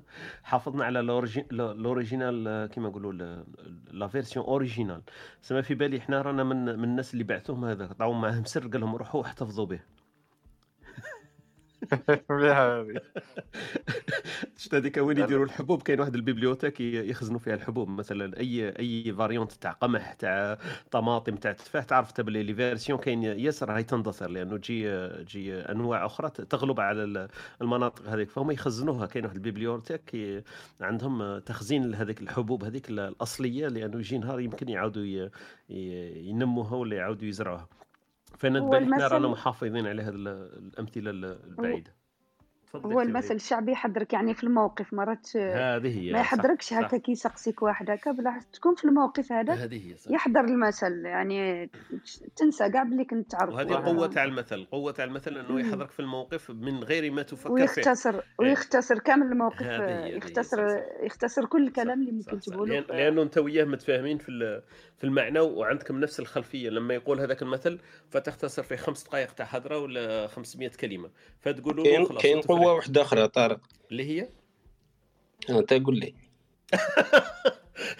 تلقى واحدة أخرى إنك تفش تفيض كيما نقولوا تفش غيظك فيه. زعما تتفش لما تقول مثلا أنا لاحظت باللي صح كاين واحد الطاقة هكذا تخرج معاه. شغل واحد هذاك اللي يتنفس لما يديروا هذوك لي exercices تاع اليوغا يقول له تنفس ودخل الهواء وخرج الهواء وفي الخروج يخرجوا المشاكل وال stress. بالي لما تقول هذاك المثل شغل تخرج واحد الطاقة معاه شغل آه، ضربت البارود مش عارف كيفاه. تخرج هذيك هذه بصح ماشي مش هذه؟ هذه اللي كان قصدي ماشي آه. قولوا لي ما- فكرني أو بالك صالح آه، خالد على باله خالد أنا حبيت نحكي لكم واحد القصة في المدينة اللي ساكن فيها. أنا كيفاش أنه مقولة تتحول المثل بلا ما تشعر. مرة كان عندنا واحد ال- واحد إنسان فاقد العقل الله يرحمه وتوفى درك مهم. آه، أنا كنت حاضر له فات مرة على ال- على المخبزة وطلب خبزة. والريحة ثم كانت مالية المدينة كامل والدخان. وكذا مهم. راك تعرف المخبزه. قال له الأخر ما كانش. أبصر طلبه ما حبش يمد له قال له ما كانش تلفت له هو قال له بالشاوية قال له ال- الكوش تتفور والخبز والليش آه. ولت مثل يظل الانسان مثلا كاين البهبره ياسر والحس وكذا والفايدة ما كانش يقولوا له مم. الكوشه تفور والخبز والليش يعني الكوشه الكوشة كاين الدخان إيه. بصح الخبز ما كانش إيه صح صح لكن و... وت... وقت حكمه درك تتقال فك. فك الجهة هذه. ديما تع- تع- تتعاود رغم أنها تقالت من عند إنسان آه، فاقد عقله ربي. يرحمه ما يقولوا خذوا الحكمة من أفواه المجانين اللي قالها مانيش ما ما- ماهوش غلط يعني. آه، هذه قصة برك. يعني قلت لك الأمثال يعني. كيفاش تتداول وتبقى ديما كيف كاين. تنشأ؟ أنت أعطيتنا الفكرة كيف تنشأ الأمثلة أصلا؟ هاك عرفت القصة الأوريجينال ويمكن آه، مش صح عادة تنشأ هكذا من قصة صح؟ إيه إيه. صحيح. ما شاء الله. الخ- الخبز تفور وال- ال- الكوشة تفور الخبز والليش اللي عجبتني فهمناها حتى بشوية فهمناها على بالك ها يعني ما هي ما هيش هذه قوة الأمثلة. آه، فيها ربع كلمات خمسة. إيه. وتلخص لك وتقدر تطبقها على قداه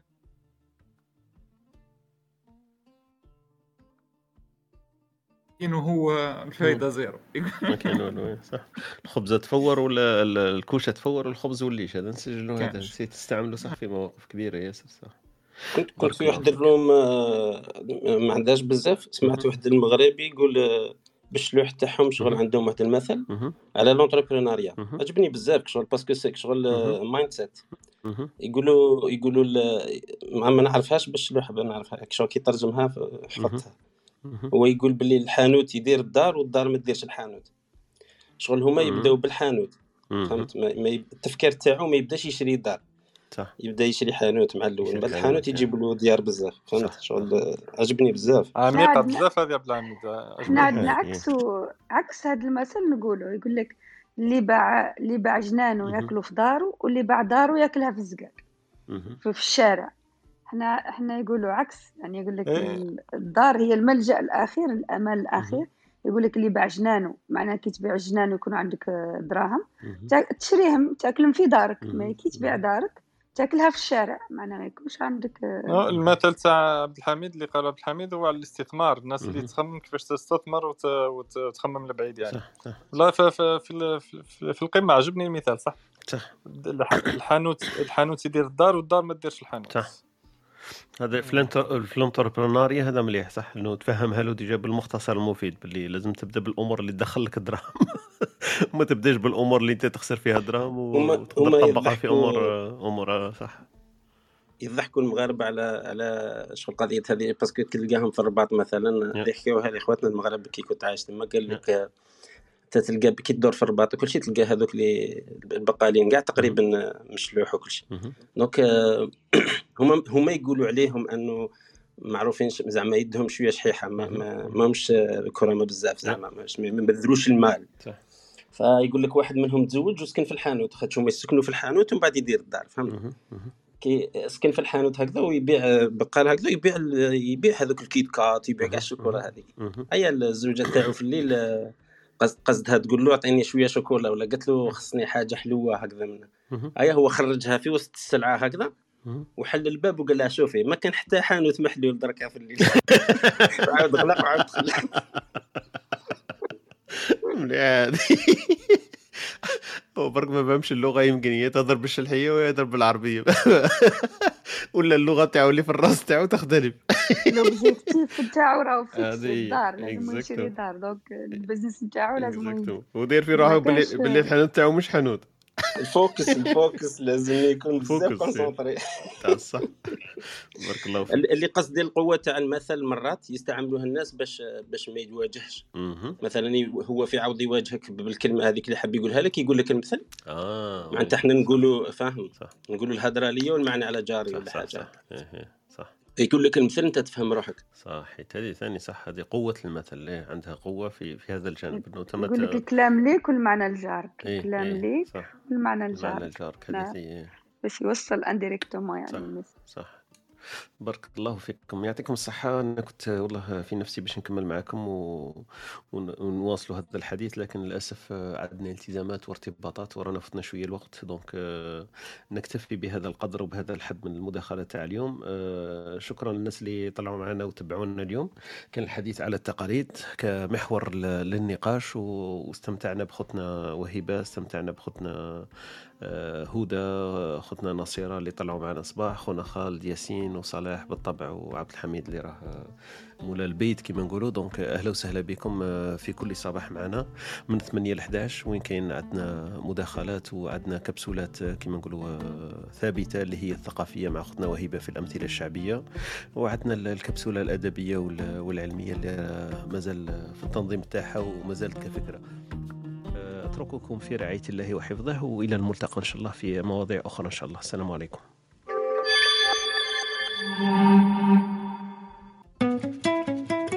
أنتم تستمعون إلى إسبريسو توك مع طارق. يأتيكم يوميا من الثامنة إلى الحادية عشر.